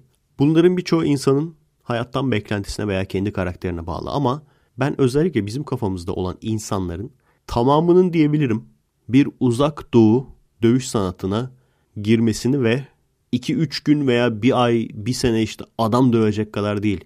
Bunu bir hayat tarzı edinmesini isterim. Bu tabii ki olmayacak bir dilek ama gerçekten keşke hepimiz bu şekilde bir dövüş sanatı uzak doğuyu ısrar etmemin sebebi onların da kendi felsefeleri olduğu için yani spordan ziyade bir hayat tarzı olduğu için ve bizim gibi insanların ihtiyacı olan bir hayat tarzı, bizim gibi insanların ihtiyacı olan bir mantalite, bir yaşam biçimi olduğu için insanların girmesini ve tabii ki de bununla birlikte iyi kötü kendimizi de artık korumamız gerektiği için ve gençlerimizin de kendi kendisini fiziksel olarak disipline etmesini istediğim için bütün bunların hepsinin bir arada toplandığı bir yaşam tarzı olarak da uzak doğu dövüş sanatlarını o yüzden herkese tavsiye ediyorum. Şimdi neden uzak doğu dövüş sanatlarının inandırıcı bulunmadığına geleceğim. Bunu katman katman anlatacağım. Çünkü bunun bir tane sebebi yok. En aşağı 4-5 tane var. Bunların üzerinden geçeceğiz. Ve bütün bunlara rağmen de neden benim severek Aikido'ya devam ettiğimi ve mümkünse de hiç bırakmak istemediğimi umarım bırakmama gerek kalmaz. Yani biliyorsunuz ortam olmadığı zaman bile bir dojo ayarlayıp hiç bilmeyen insanlarla birlikte tekrardan sıfırdan başlayıp yine de çalışmaya devam ettim. Bu heves, bu tutku nereden kaynaklanıyor? Onu da yine anlatırım. Öncelikle uzak doğu dövüş sanatlarının neden gerçekçi bulunmadığını veya insanlar tarafından ciddiye alınmadığına gelelim. Diğerlerini bilmiyorum. Onların hakkında konuşmak istemiyorum. İşte Wing Chun, Wushu vesaire, Kung Fu. Benim bildiğim karate içinde bulunduğum için sürekli ve Aikido tabii ki. Önce karateye gelelim. Karatenin olayı şudur. Karateyi eğer sportif olarak öğretirsen yani turnuvalarda başarılı olacak şekilde, şampiyonalarda başarılı olacak şekilde öğretirsen bu geleneksel karateden çok farklıdır. Çünkü genelde kontakt bile yoktur şampiyonlarda. Varsa bile yüzeyseldir. Belirli yerlere vurmaya çalışmaktır yani. Ve genelde vur çek şeklindedir. İkincisi de tabii bunları anlamayan insanların çomarlığı. Biliyorsunuz dönem dönem farklı farklı dövüş sanatları moda olur. Benim gençliğimde karate modaydı. Ondan sonra aikido moda oldu. Ondan sonra kickbox moda oldu. Sonra Wing Chun moda oldu. Şu anda MMA moda. Bakalım bundan sonra ne gelecek? Ben yine gençken bir ara tekvando modaydı. Değişiyor. İnsanlar sıkılıyor. Modası da geçiyor. Ondan sonra başka yere geçiyorlar.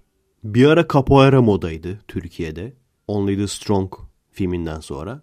Olayı anlamayan kişinin çomarlığı derken neyi kastediyorum? Mesela Amerikalı bir ateist çomar abi var. Çok ilginç bir şekilde ateist çomar da oluyormuş demek ki. Tabii ki oluyor. Bir ateist çomar abi var.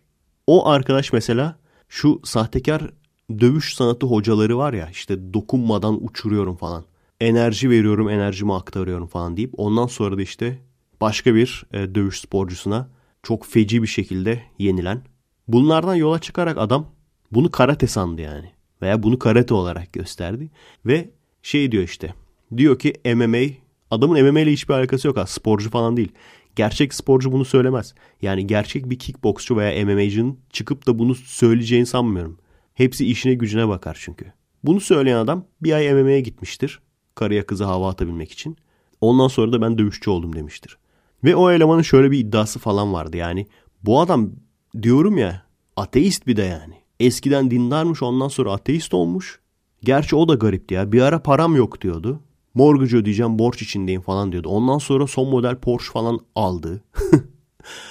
İnsanlardan param yok deyip böyle tişört falan sattırmıştı galiba. Ondan sonra aynen PayPal'den falan para topladı. Borç ödemem lazım falan diye. Ondan sonra Porsche'la gördük adamı.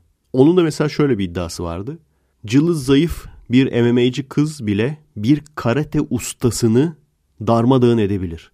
Adam bu kadar dünyadan habersiz yani. Ki düşünsenize öyle bir dövüş olduğunu düşünün. Cılız böyle bir MMA'ci kız geliyor. Karate ustası geliyor ondan sonra. Ne olur o şeyin sonucu? Altta ne yazarlar yorumlara? Utanmıyor musun sen kıza vurmaya? Sıkıysa gelsene işte daha güçlü birisine. Bunu yazarlar değil mi? Maalesef olay şu. Şu anda MMA'de çok fazla para dönüyor. MMA'de çok fazla para döndüğü için özellikle Amerika'da insanlar buna bütün hayatlarını ayırıp profesyonel MMA'ci olabiliyorlar. Böyle olunca inanılmaz fiziksel güçleri oluyor. Tam bir atlet oluyorlar yani. Çok fazla tecrübeleri oluyor. Çok fazla fiziksel üstünlükleri oluyor. Ve MMA zaten mixed martial arts. Bütün dövüş sanatlarının iyi yanlarını alıyorlar ve bunu profesyonelce uyguluyorlar. Şimdi bunun ile haftada iki gün MMA'ye giden adam aynı değil. Anlatmaya çalıştığımız bu. Ve zaten orada haftada iki gün MMA verilen ders de aynı değil.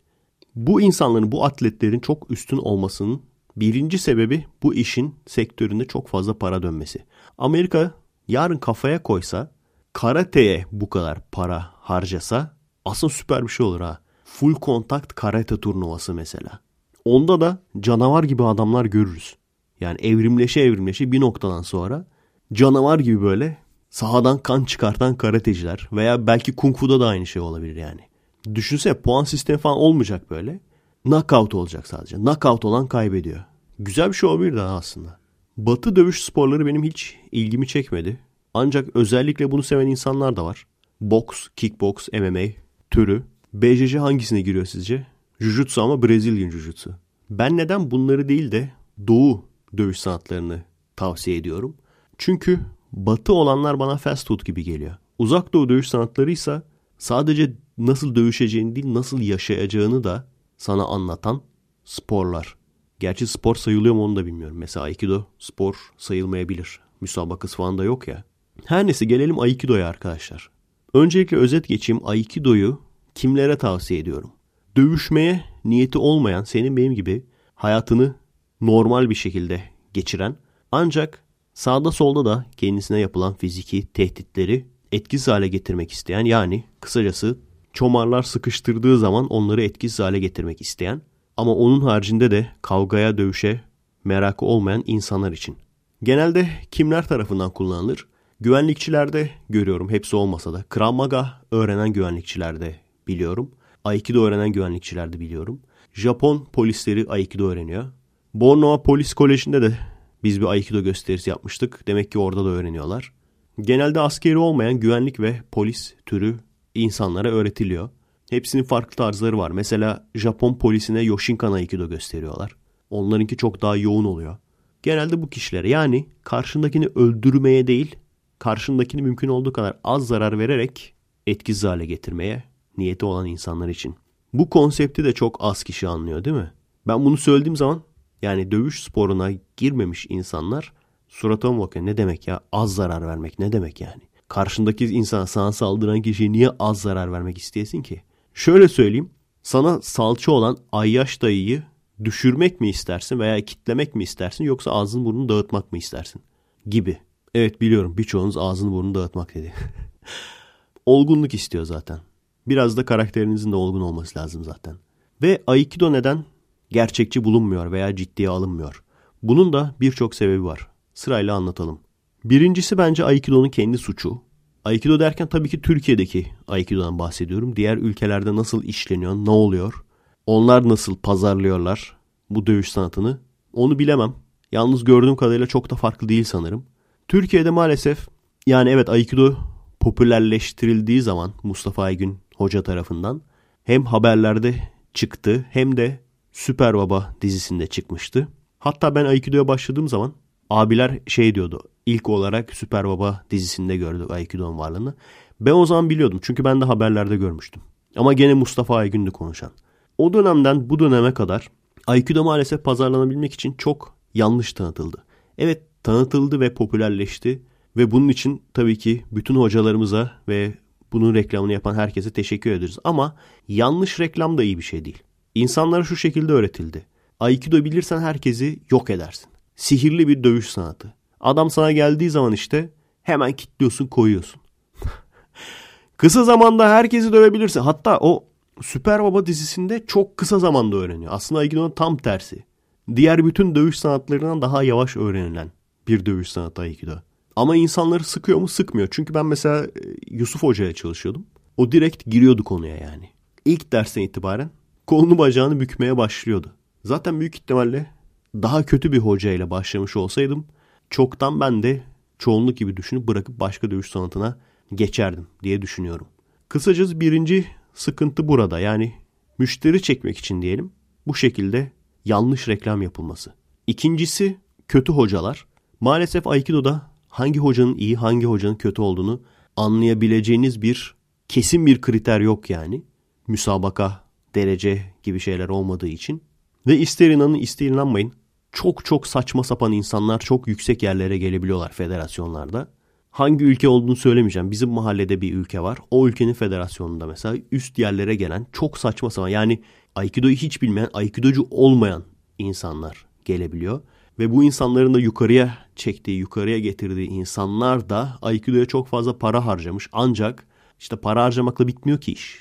Doğru düzgün Aikido bilmeyen, ciddi bilmeyen yani insanlar. Yani bunu kime desem inanmaz. Ve maalesef bu hocaların hangi belgesinin olduğu, kaçıncı derece antrenörlüğün olduğu, hocanın iyi hoca olup olmadığı konusunda hiçbir kanıt olmuyor maalesef. Bunu neden söylüyorum arkadaşlar? Başka hocalara bok atmak için değil ama yarın ne bileyim ikinci kademe antrenör olup da doğru düzgün teknik öğretemeyen birini gördüğünüz zaman veya doğru düzgün ders veremeyen birini gördüğünüz zaman ulan bunların da en üst kademesi de böyleyse demek ki bu dönüş sanatında bir bok yokmuş deyip üzülmenizi veya hayal kırıklığına uğramanızı istemediğim için sadece başka okuldan devam edin. Daha önce de söylemiştim ben hocam başka olsaydı eğer büyük ihtimalle karateye devam ederdim. Çünkü karateyi de seviyordum. Ama hazır ünlü bir hocayı bulmuşken ve hazır baya katır kütür dersler yapıyorken peşini bırakmayayım dedim. Ve gerçekten de doğru yapmışım çünkü İstanbul'a gitti şimdi bulamıyoruz yani. en azından buradayken yakalayabildiğimi yakalamışım. Üçüncüsü hocanın iyi olsa dahi öğrencinin kalas olması. Maalesef en üzüldüğüm nokta bu. Benim kendi hocamın bile çok kazma öğrencileri olabiliyordu. Bunun da birçok sebebi var. Birincisi teke tek ders yapmadığın için veya iki kişi üç kişi ders yapmadığın için herkesle birebir ilgilenemiyorsun. Tekniği gösteriyorsun. Adamda heves varsa sana gelip soruyor. Ya da yetenekliyse çabuk öğreniyor vesaire ama bilmiyorsa ve bilmediğini de bilmiyorsa doğru düzgün öğrenemeden geçip gidiyor. Sınavlar da çok zorlayıcı değil. Sınav tekniklerini bildikten sonra kuşak da alabiliyorsun. Ve tabii maalesef bu tür öğrenciler de kendi hocasının adını teknikleri doğru düzgün yapamayarak yani adını kötüleyebiliyorlar istemeden de olsa. Çok üst düzey hocalardan çok üst düzey sığırların çıktığını gördüm başka bir deyişle. Ve 5. Bence olayın en önemlisi şu arkadaşlar. Neden her şeye rağmen yani bu söylediğim her şeye rağmen ben devam ediyorum ve severek devam ediyorum. Ve bu kadar insan yok abi bu ne ya Aikido'da ne ulan sokakta kolumu mu tutacak türü şeyler söylemesine rağmen ben neden devam ediyorum? Çünkü arkadaşlar olay şu antrenmanlara girdiğim zaman bana insanların hangi eklemleri zayıf, insanları ne yaparak indirebilirsin, insanları neresine baskı uygularsan kırabilirsin veya çıkartabilirsin, insanları ne yaparak dengelerini bozabilirsin, insanları ne yaparak yerde kitleyebilirsin. Bunları yani başka bir deyişle insanların zayıf noktalarını öğrenmemi sağladı. Ve biz bunu birbirimize de uyguluyoruz. Ciddi ciddi işte biri kalkmaya çalışıyor, öbürü yerde kitlemeye çalışıyor. Veya biri düşmemeye çalışıyor, öbürü bilekten zorlayarak bazen sakatlayarak indiriyor. Veya biri boynunu kitlemeye çalışıyor, öbürü kurtulmaya çalışıyor gibi. Tabi sorunlardan bir tanesi de bu. Yani biz teknikleri öğreniyoruz ve o tekniklere uygun kalıp teknikler yapıyoruz. Ama o kalıp teknikler normalde bir şeye benzemiyor. Adam işte geliyor elini tutuyor veya iki elini tutuyor. Veya yukarıdan kılıç gibi seni kesiyor. Genel olarak biliyorsunuz samurayların teknikleri olduğu için kılıçlara yönelik yapılıyor. Yani en azından o şekilde öğreniyorsun. Ama tabii ki o şekilde kullanmıyorsun. Bunun gerçek hayatta nasıl olabilir veya gerçek hayatta nasıl uygulayabiliriz şeklinde bence etüt derslerinin de olması lazımdı. Biz kendi aramızda bunu yapıyoruz. Bir ders boyunca mesela kalıp teknikleri hiç öğrenmiyoruz. Bildiklerimizi nasıl uygulayabiliriz? Daha gerçekçi saldırılara karşı bildiklerimizi nasıl uygulayabiliriz? Neler yapabiliriz? Adamın neresine vurursak zayıf nokta. Bunları da öğreniyoruz. Bu öğrendiklerimizi de gene çalışıyoruz. Sonuç itibariyle bunları sana gösteriyor. Ama sen bunları doğru uygulayacaksın diye bir kural yok. O yüzden işte Aikido bildikten sonra uçarsın veya Aikido sana işte 5 kişiyi aynı anda dövmeyi garantiliyor gibi pazarladıkları zaman insanlar da e hani Aikido öğretin bana lan falan hani Neo gibi bunları öğrenip bir anda kullanabileceğini sandığı için hayal kırıklığına uğruyor. Sorun burada yani. Gördüğünüz gibi bir sürü farklı farklı katmanı var olayın. Sana bunları öğretiyor. İşte insanın şurası zayıftır, burası zayıftır, şu eklemi zayıftır. Buradan bu şekilde kitleyebilirsin, buradan bu şekilde dengesini bozabilirsin, buradan bu şekilde boğabilirsin. Ama bunları uygulayıp uygulayamamak sana kalmış. Anlatabiliyor muyum? Şöyle söyleyeyim. Çok basit bir örnek. Tabanca. Tabanca etkili bir silah mı? Evet. Peki eğitimle tabancayı çok daha etkili kullanmayı öğrenebilir misin? Evet. Çok iyi eğitim aldın diyelim. Polisler veya askerler gibi böyle artık çok hızlı bir şekilde çekip havadaki mesela işte havaya atılmış şişeyi falan vurabiliyorsun. O kadar iyisin yani. Yine çok fazla nişan almadan hareketli bir nesneyi tak diye çekip vurabiliyorsun. Yani o kadar reflekslerin, silah kullanımın gelişmiş durumda. Peki 5 tane 6 tane yine ellerinde silah olan ama silah kullanmayı hiç bilmeyen sadece işte birkaç kere sıkmış hani tetiği çekince ateş ediyor kadar bilen tiple karşılaşıyorsun. Bu insanları alt edebilir misin? Bu insanların hepsini indirebilir misin? Cevap? Cevabı yok değil mi? İşte bu. Çünkü o durumuna bağlı.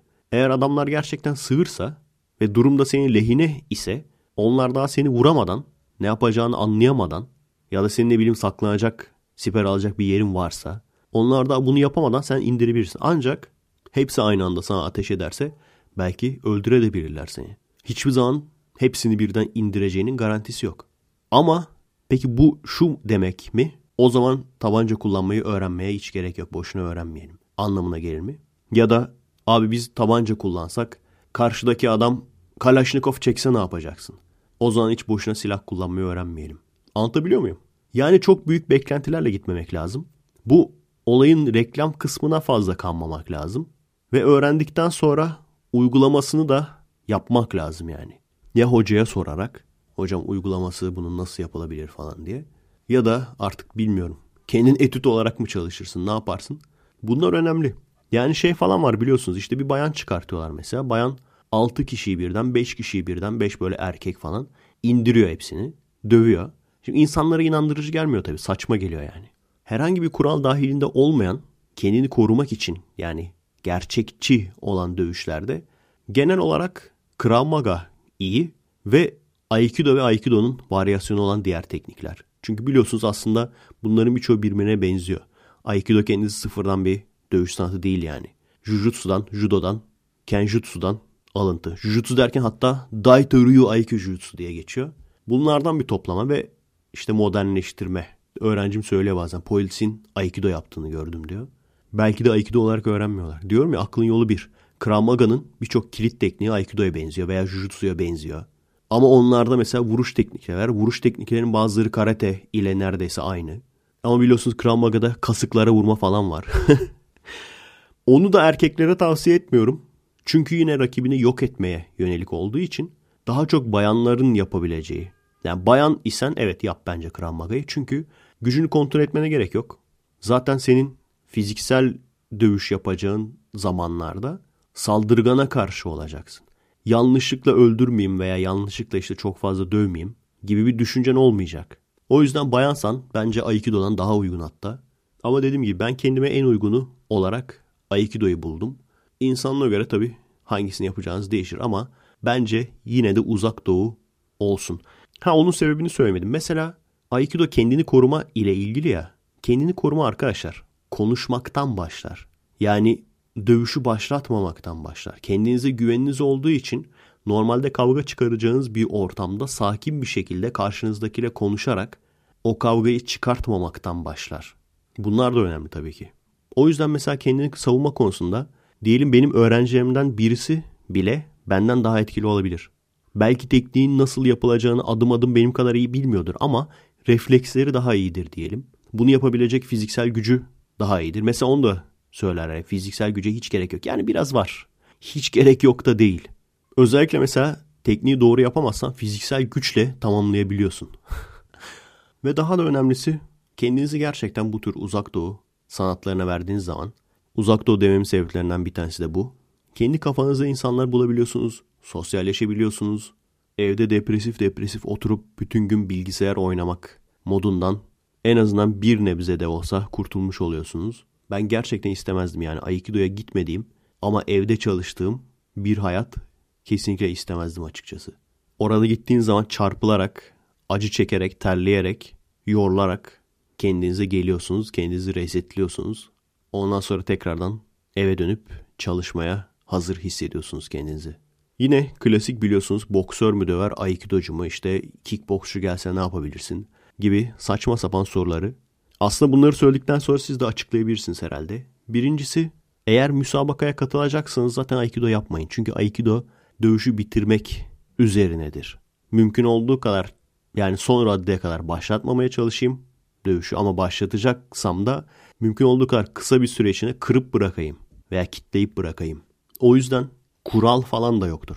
Yani amaç kendini korumaksa orada artık racona ters bir hareket yapmayayım. İşte boğazına vurmayayım. Burnuna avuç içiyle vurmayayım. Arkadan saçından tutup yüzünü yukarıya çekip yere gömmeye çalışmayayım gibi şeyler söylemezsin. O yüzden kurallı müsabaka türü dövüşleri düşünüyorsanız tabii ki Aikido yapmayacaksınız yani. Bu yine şunun gibi. Sen kendini korumak için silah kullanmayı öğrenmek istiyorsun. Adam diyor ki bozuka çeksem ne yapabilirsin birader? Veya bozukayla hadi karşılaştıralım gibi. Anlatabiliyor muyum? Evet arkadaşlar konularımız bu kadar. İsterseniz şimdi film köşesine geçebiliriz. Hazır mıyız? 3, 2, 1, geç.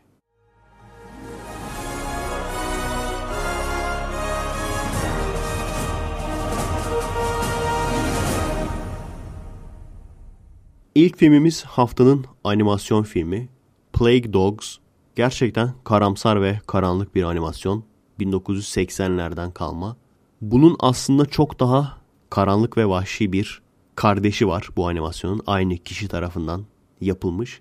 Belki ona da değinirim ileriki bölümlerde. O yüzden onun ismini vermeyeceğim şimdilik.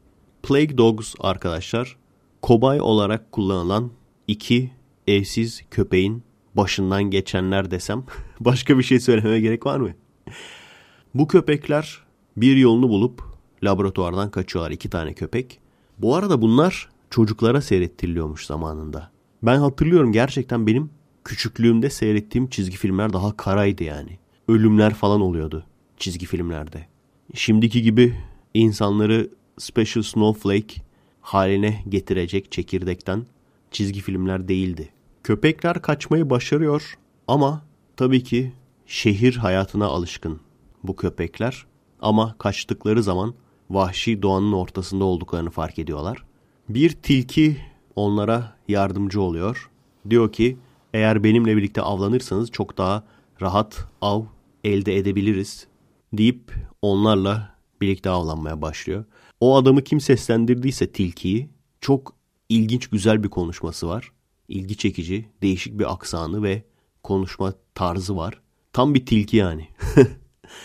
Ancak tabii koyun avlaya avlaya civardaki insanların dikkatini çekiyor bu olay ve köpekleri görüyorlar. Tasmalarının renginden laboratuvardan kaçmış olduklarını anlıyorlar ve laboratuvarı arayarak işte köpekleriniz mi kaçtı sizin kaçtılarsa burada diyorlar. Onlar da köpeklerin peşine takılıyor. Çünkü sadece köpekler kaçmakla kalmıyor aynı zamanda da veba taşıdıkları düşünülüyor. Ama bu gerçek mi değil mi o da belli değil.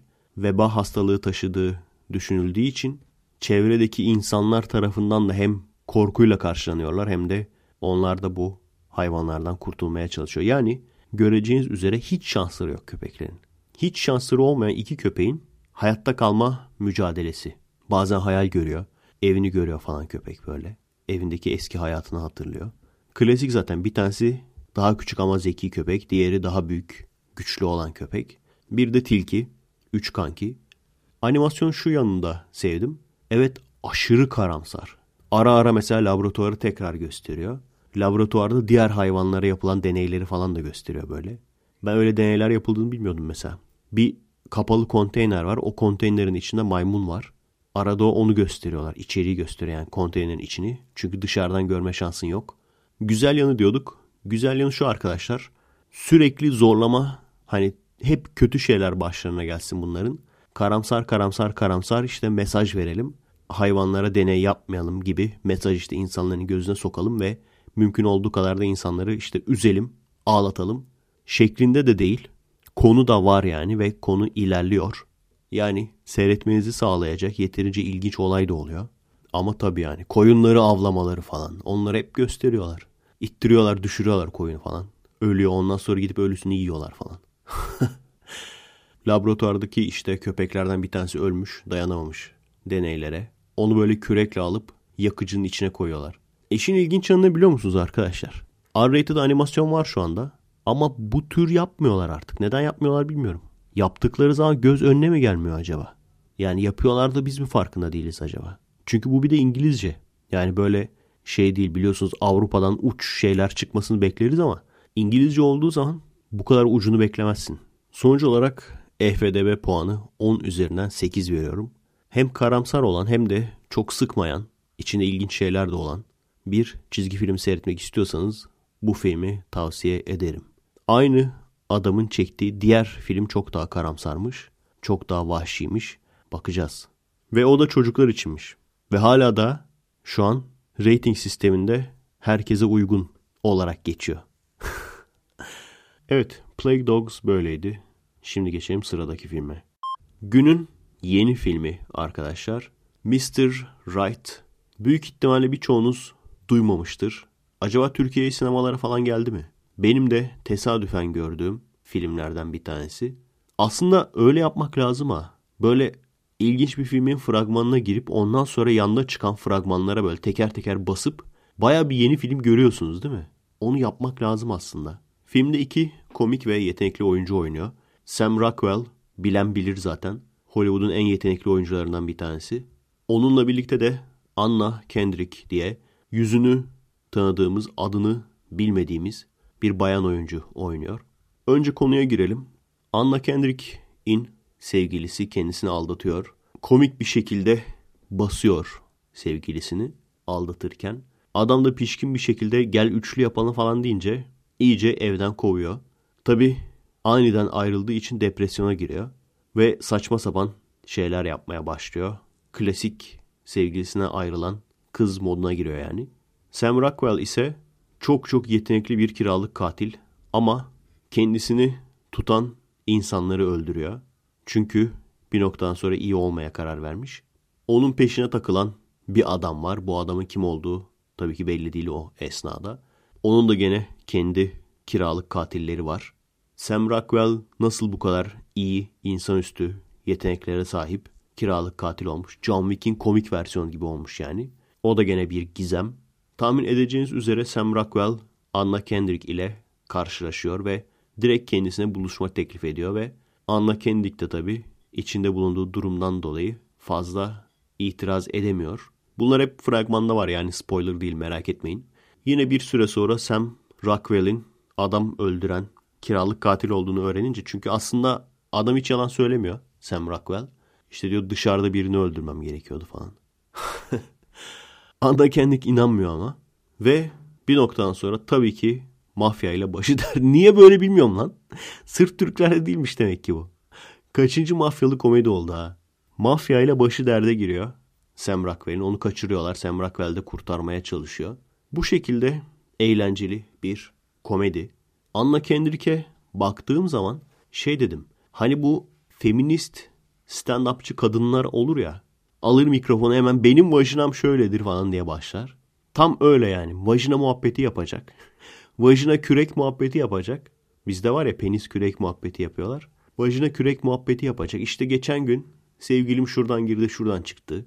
Ondan sonra işte yanlışlıkla osurdum ilişki sırasında falan diye böyle o şekilde güldürmeye çalışacak. Bir tipi var. Hatta biraz film bu kadının oyunculuğunun üzerine fazla yüklenmiş gibi. Yani kadın oyuncu gibi değil de sanki ünlü bir stand-upçıymış da ona film çekmişler gibi duruyor. İşin ilginç yanı bulamadım da öyle bir şey. Birinci dikkat ettiğim olay buydu. İkincisi de komedi filmi olmasına rağmen prodüksiyonun ne kadar iyi olduğu. Buna da hep dikkat ediyorum. Yani seyrettiğin zaman yine ders niteliğinde kaliteli sahneler görebiliyorsun.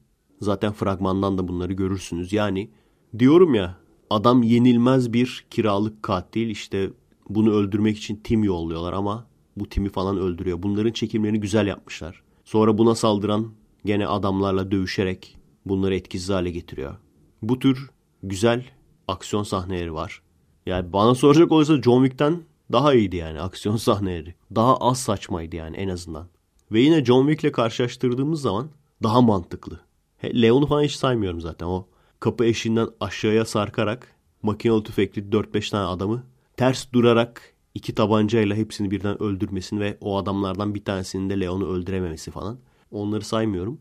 O filmde merak etmiştim yani. Vay be bu adam mükemmel bir kiralık katil. Nasıl öldürüyor acaba diye merak etmiştim. Şöyle öldürüyormuş. Eşikten aşağı sarkıyor.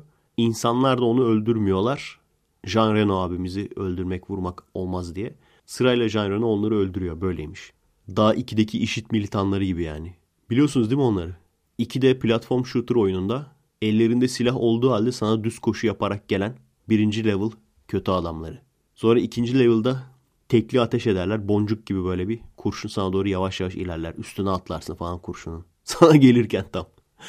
Daha üç öyle olacakmış. Neyse bunda iki noktada mantık vardı. Birincisi saklana saklana öldürüyor hepsini. Takır tukur böyle dalmıyor hepsinin arasına.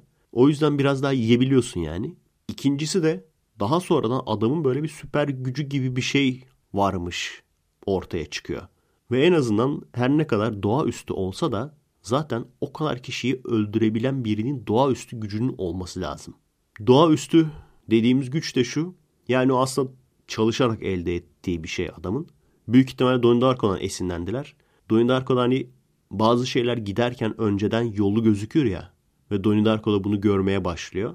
Adamda da buna benzer bir güç var. Bunu da kiralık katil olarak kullanıyor. Evet. Söylemek istediklerim bu kadar. Sonuç olarak komedi filmi arıyorsanız tek kişi veya kız arkadaşınızla çünkü aynı zamanda romantik komedi unsuru da var. Ya da direkt arkadaşlarla seyredebileceğiniz eğlenceli bir film. EFDB puanı 10 üzerinden 8 veriyorum. Game Night ile karşılaştıracak olursak çünkü kulvar olarak aynı kulvarda görüyorum ikisini. Game Night'ı hatırlıyorsanız 8.5 vermiştim. Neden? Çekim olarak daha iyiydi Game Night. Baya güzel, yaratıcı, emek verilmiş çekimleri vardı, sahneleri vardı. İkincisi konusu çok daha örülmüş, daha komplike, Daha eğlenceli bir konuydu. Üçüncüsü daha komikti. Güldüğüm yerler oldu birkaç yer oldu hatta. Bu filmde ise yani Mr. Right'ta ise güldüğüm yer hiç olmadı. Ama yine de zorlama komedi veya sıkıcılık değil de eğlenme hisleriyle seyrettim. O yüzden gene de kötü diyemeyeceğim bir film. Mr. Right EFDB puanı 10 üzerinden 8. Geçelim son filmimize arkadaşlar. Ve geldik haftanın son filmine arkadaşlar. Günün yerli filmi Ozan Açıktan'ın yönetmiş olduğu Silsile. Duymuş muydunuz bu filmi arkadaşlar? Ha, Show TV'de denk geldi mi? Herkes orada denk gelmiş ya. Sinemaya gelmedi galiba bu film. Ben orada gördüğüm zaman sinematografi falan aşırı beğenmiştim. Hatta bir süre bakmam gerekti lan. Yabancı film mi, yerli film mi falan diye. Ancak normalde biliyorsunuz televizyona bakan bir insan değilim. Seferihisar'da robotun böyle gene küçük küçük parçalarıyla ilgilenirken bir yandan da göz ucuyla televizyona bakıyorken gördüm.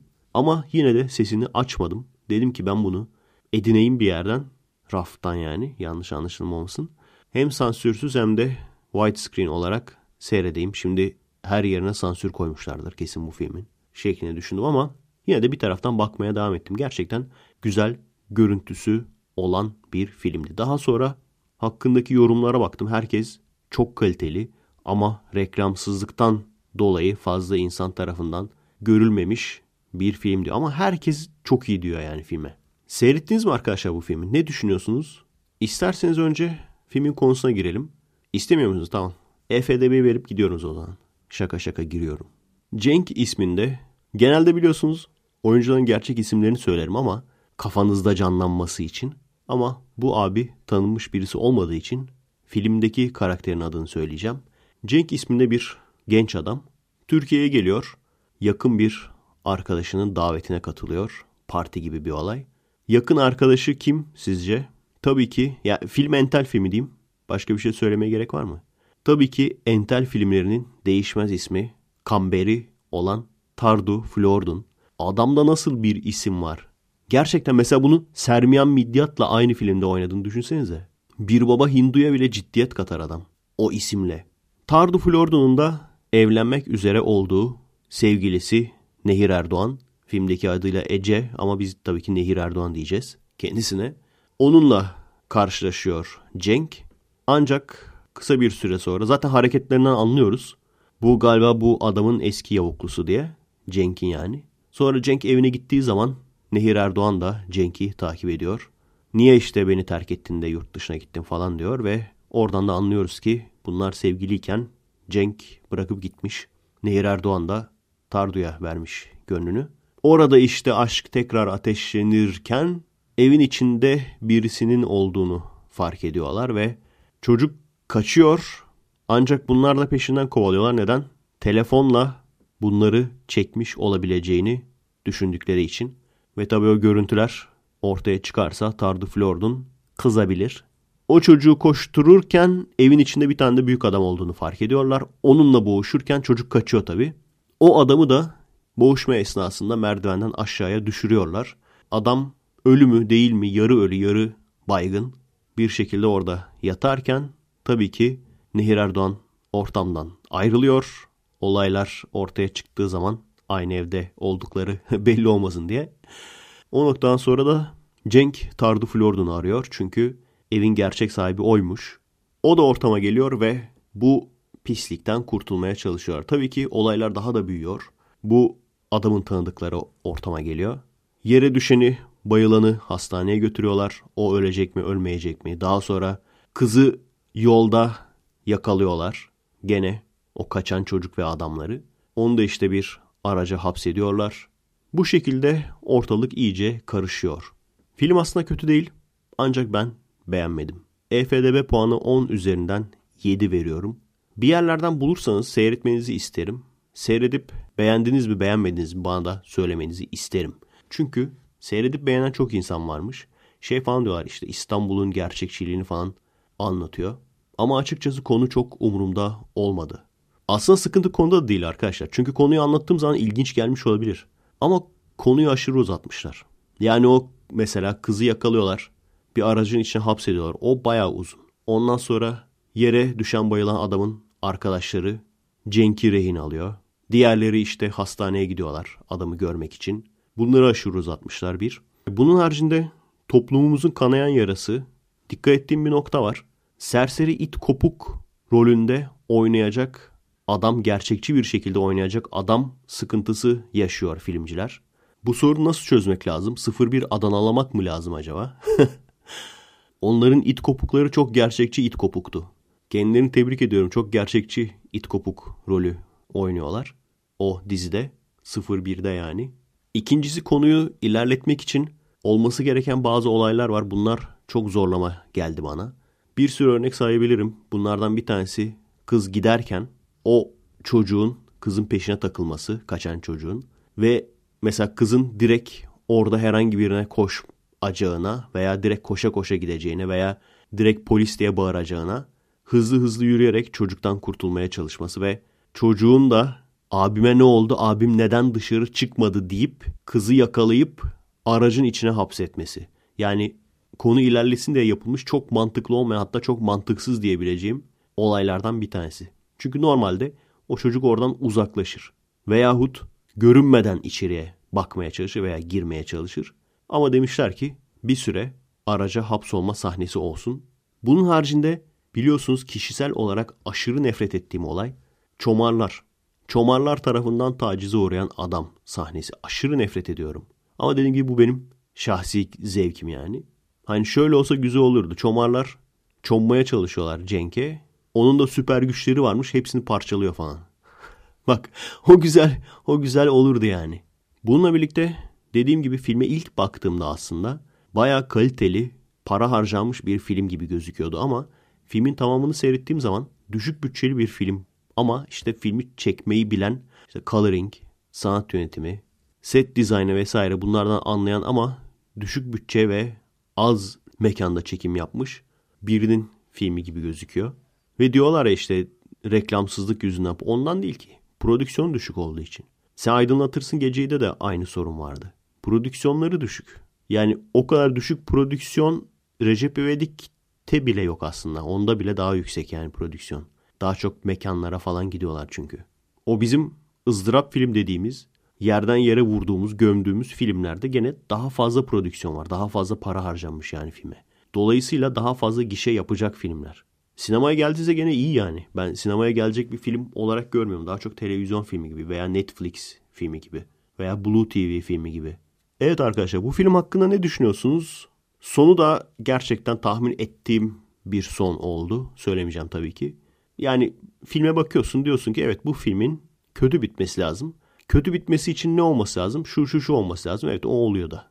O yüzden pek de sürpriz bir son da yoktu. Gene de dediğim gibi seven çok insan olmuş. Siz ne düşünüyorsunuz? 10 üzerinden kaç verirsiniz? Ben 7 veriyorum arkadaşlar. Bir de bir türlü şuna alışamadım. Entel filmlerde oyuncuların birbirleriyle entel entel konuşması. İstanbullular böyle mi konuşuyor acaba? İstanbullu arkadaşlar cevap verebilir mi? Aynen o filmdeki gibi mi konuşuyorlar? Mesela Nehir Erdoğan gibi. Nehir Erdoğan İzmirli abi bu arada bir de. 81'li o da benim gibi. Yalnız çok fena çökmüş yani. E, böyle mi Cenk? Böyle miyiz yani? Böyle mi olduk? Bitti mi yani? Böyle mi konuşuyorlar arkadaşlar? Belki de böyle konuşuyorlardır. Biliyorsunuz insanlar filmlerden, dizilerden etkilenip film gibi konuşmaya başlıyor bir noktadan sonra. O yüzden insanların sokakta nasıl konuştuğunu da filmler etkiliyor aslında. İstanbul kültürlü şehir tabii yani. Böyle hırsız çocukları bile düzgün düzgün konuşuyorlar. Abla, abla ne oldu abime? Abime bir şey olduysa vallahi takarım bıçağı sana ona göre. Şey gibi arka sokaklar figüranları var ya. Arka sokaklardaki figüran sokak çocuğu Türkçesi. Abi, abi paramız yok. Kalacak evimiz yok. Ne yapacağız? Ne yapacağız olur mu? Biraz mal satacağız. Orada bak mal mal diyor ama yani. Hani sokak ağzıyla konuşuyor ona göre. Netflix Türkiye'de var mı acaba bu film? Varsa çünkü tam o tip bir film. Netflix'ini açacaksın. İçine sweet relish sıktığın anguslu hamburgerinle. Yanında da ginger ale'ını içeceksin. O şekilde seyredeceksin filmini. Ozan Açık'tan talihsiz bir filmci olarak görüyorum kendisini. Aslında çok bence yetenekli birisi.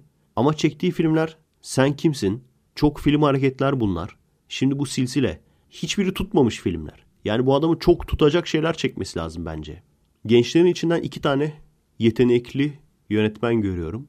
Yaş olarak benden gençler sanırım ikisi de. Bir tanesi Ozan Açık'tan. Bakalım yaşına? 78'liymiş benden 3 yaş büyük. Diğeri de Can Evrenol. Yanlış hatırlamıyorsam 83'lüydü ona bir bakalım. 82'li o da.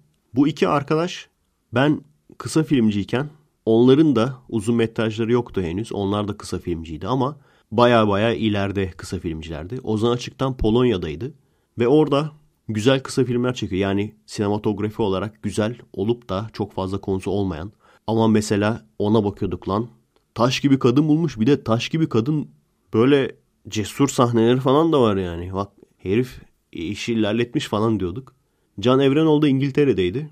O da genelde gore yani kanlı, iç organlı vesaire böyle kısa filmler çekerdi. Pek konusu olmayan. Ama gerçekten insan bunu görünce bir değişik hissediyor. Yani önceden ünsüz olup sonradan ünlü. Halil Sezai mesela. Kısa filmlerde seyrediyorduk. Onunla birlikte oynayan Ozan Akbaba diye bir arkadaş vardı. Türk dizisi takip ediyorsanız onu da biliyorsunuzdur. Çünkü o da ünlü oldu. Onunla konuştuğumda demiştim bu amca çünkü o zaman amcaya benziyordu tipi Halil Sezai'nin. Bu amca ünlü olacak demiştim. Ünlü olmadan bunu yakalamak lazım. Yakalayamadık. Avucumuzun içinden uçtu gitti. yani yakalayıp kısa filmimizde oynatmak lazım diyordum ama yakalayamadık maalesef. Can Evrenoğlu da biliyorsunuz şimdi neydi yaşamayanlar mıydı? Onun çektiği o muydu ona da bakalım. Yanlış bilgi vermeyelim. Yok onun değil ya. Demek ki o başka bir şey. Benzer başka bir şey çekmiş. Çünkü Can Evrenoğlu da süper kahramanlı bir şey çekecekti. Ona bakalım ya neymiş merak ettim şimdi ha.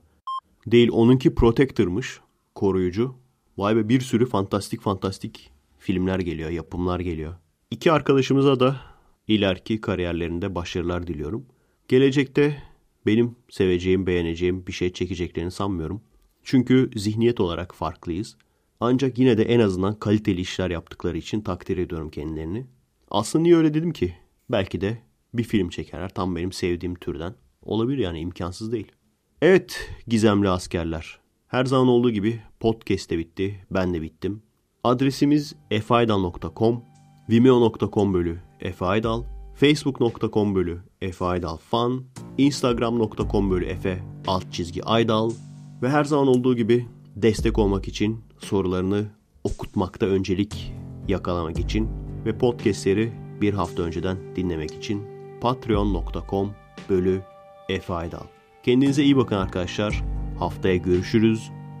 Bıçığı takmadan önce İstanbul beyefendisi gibi konuşan İstanbullu sokak çocuğuna emanet olun.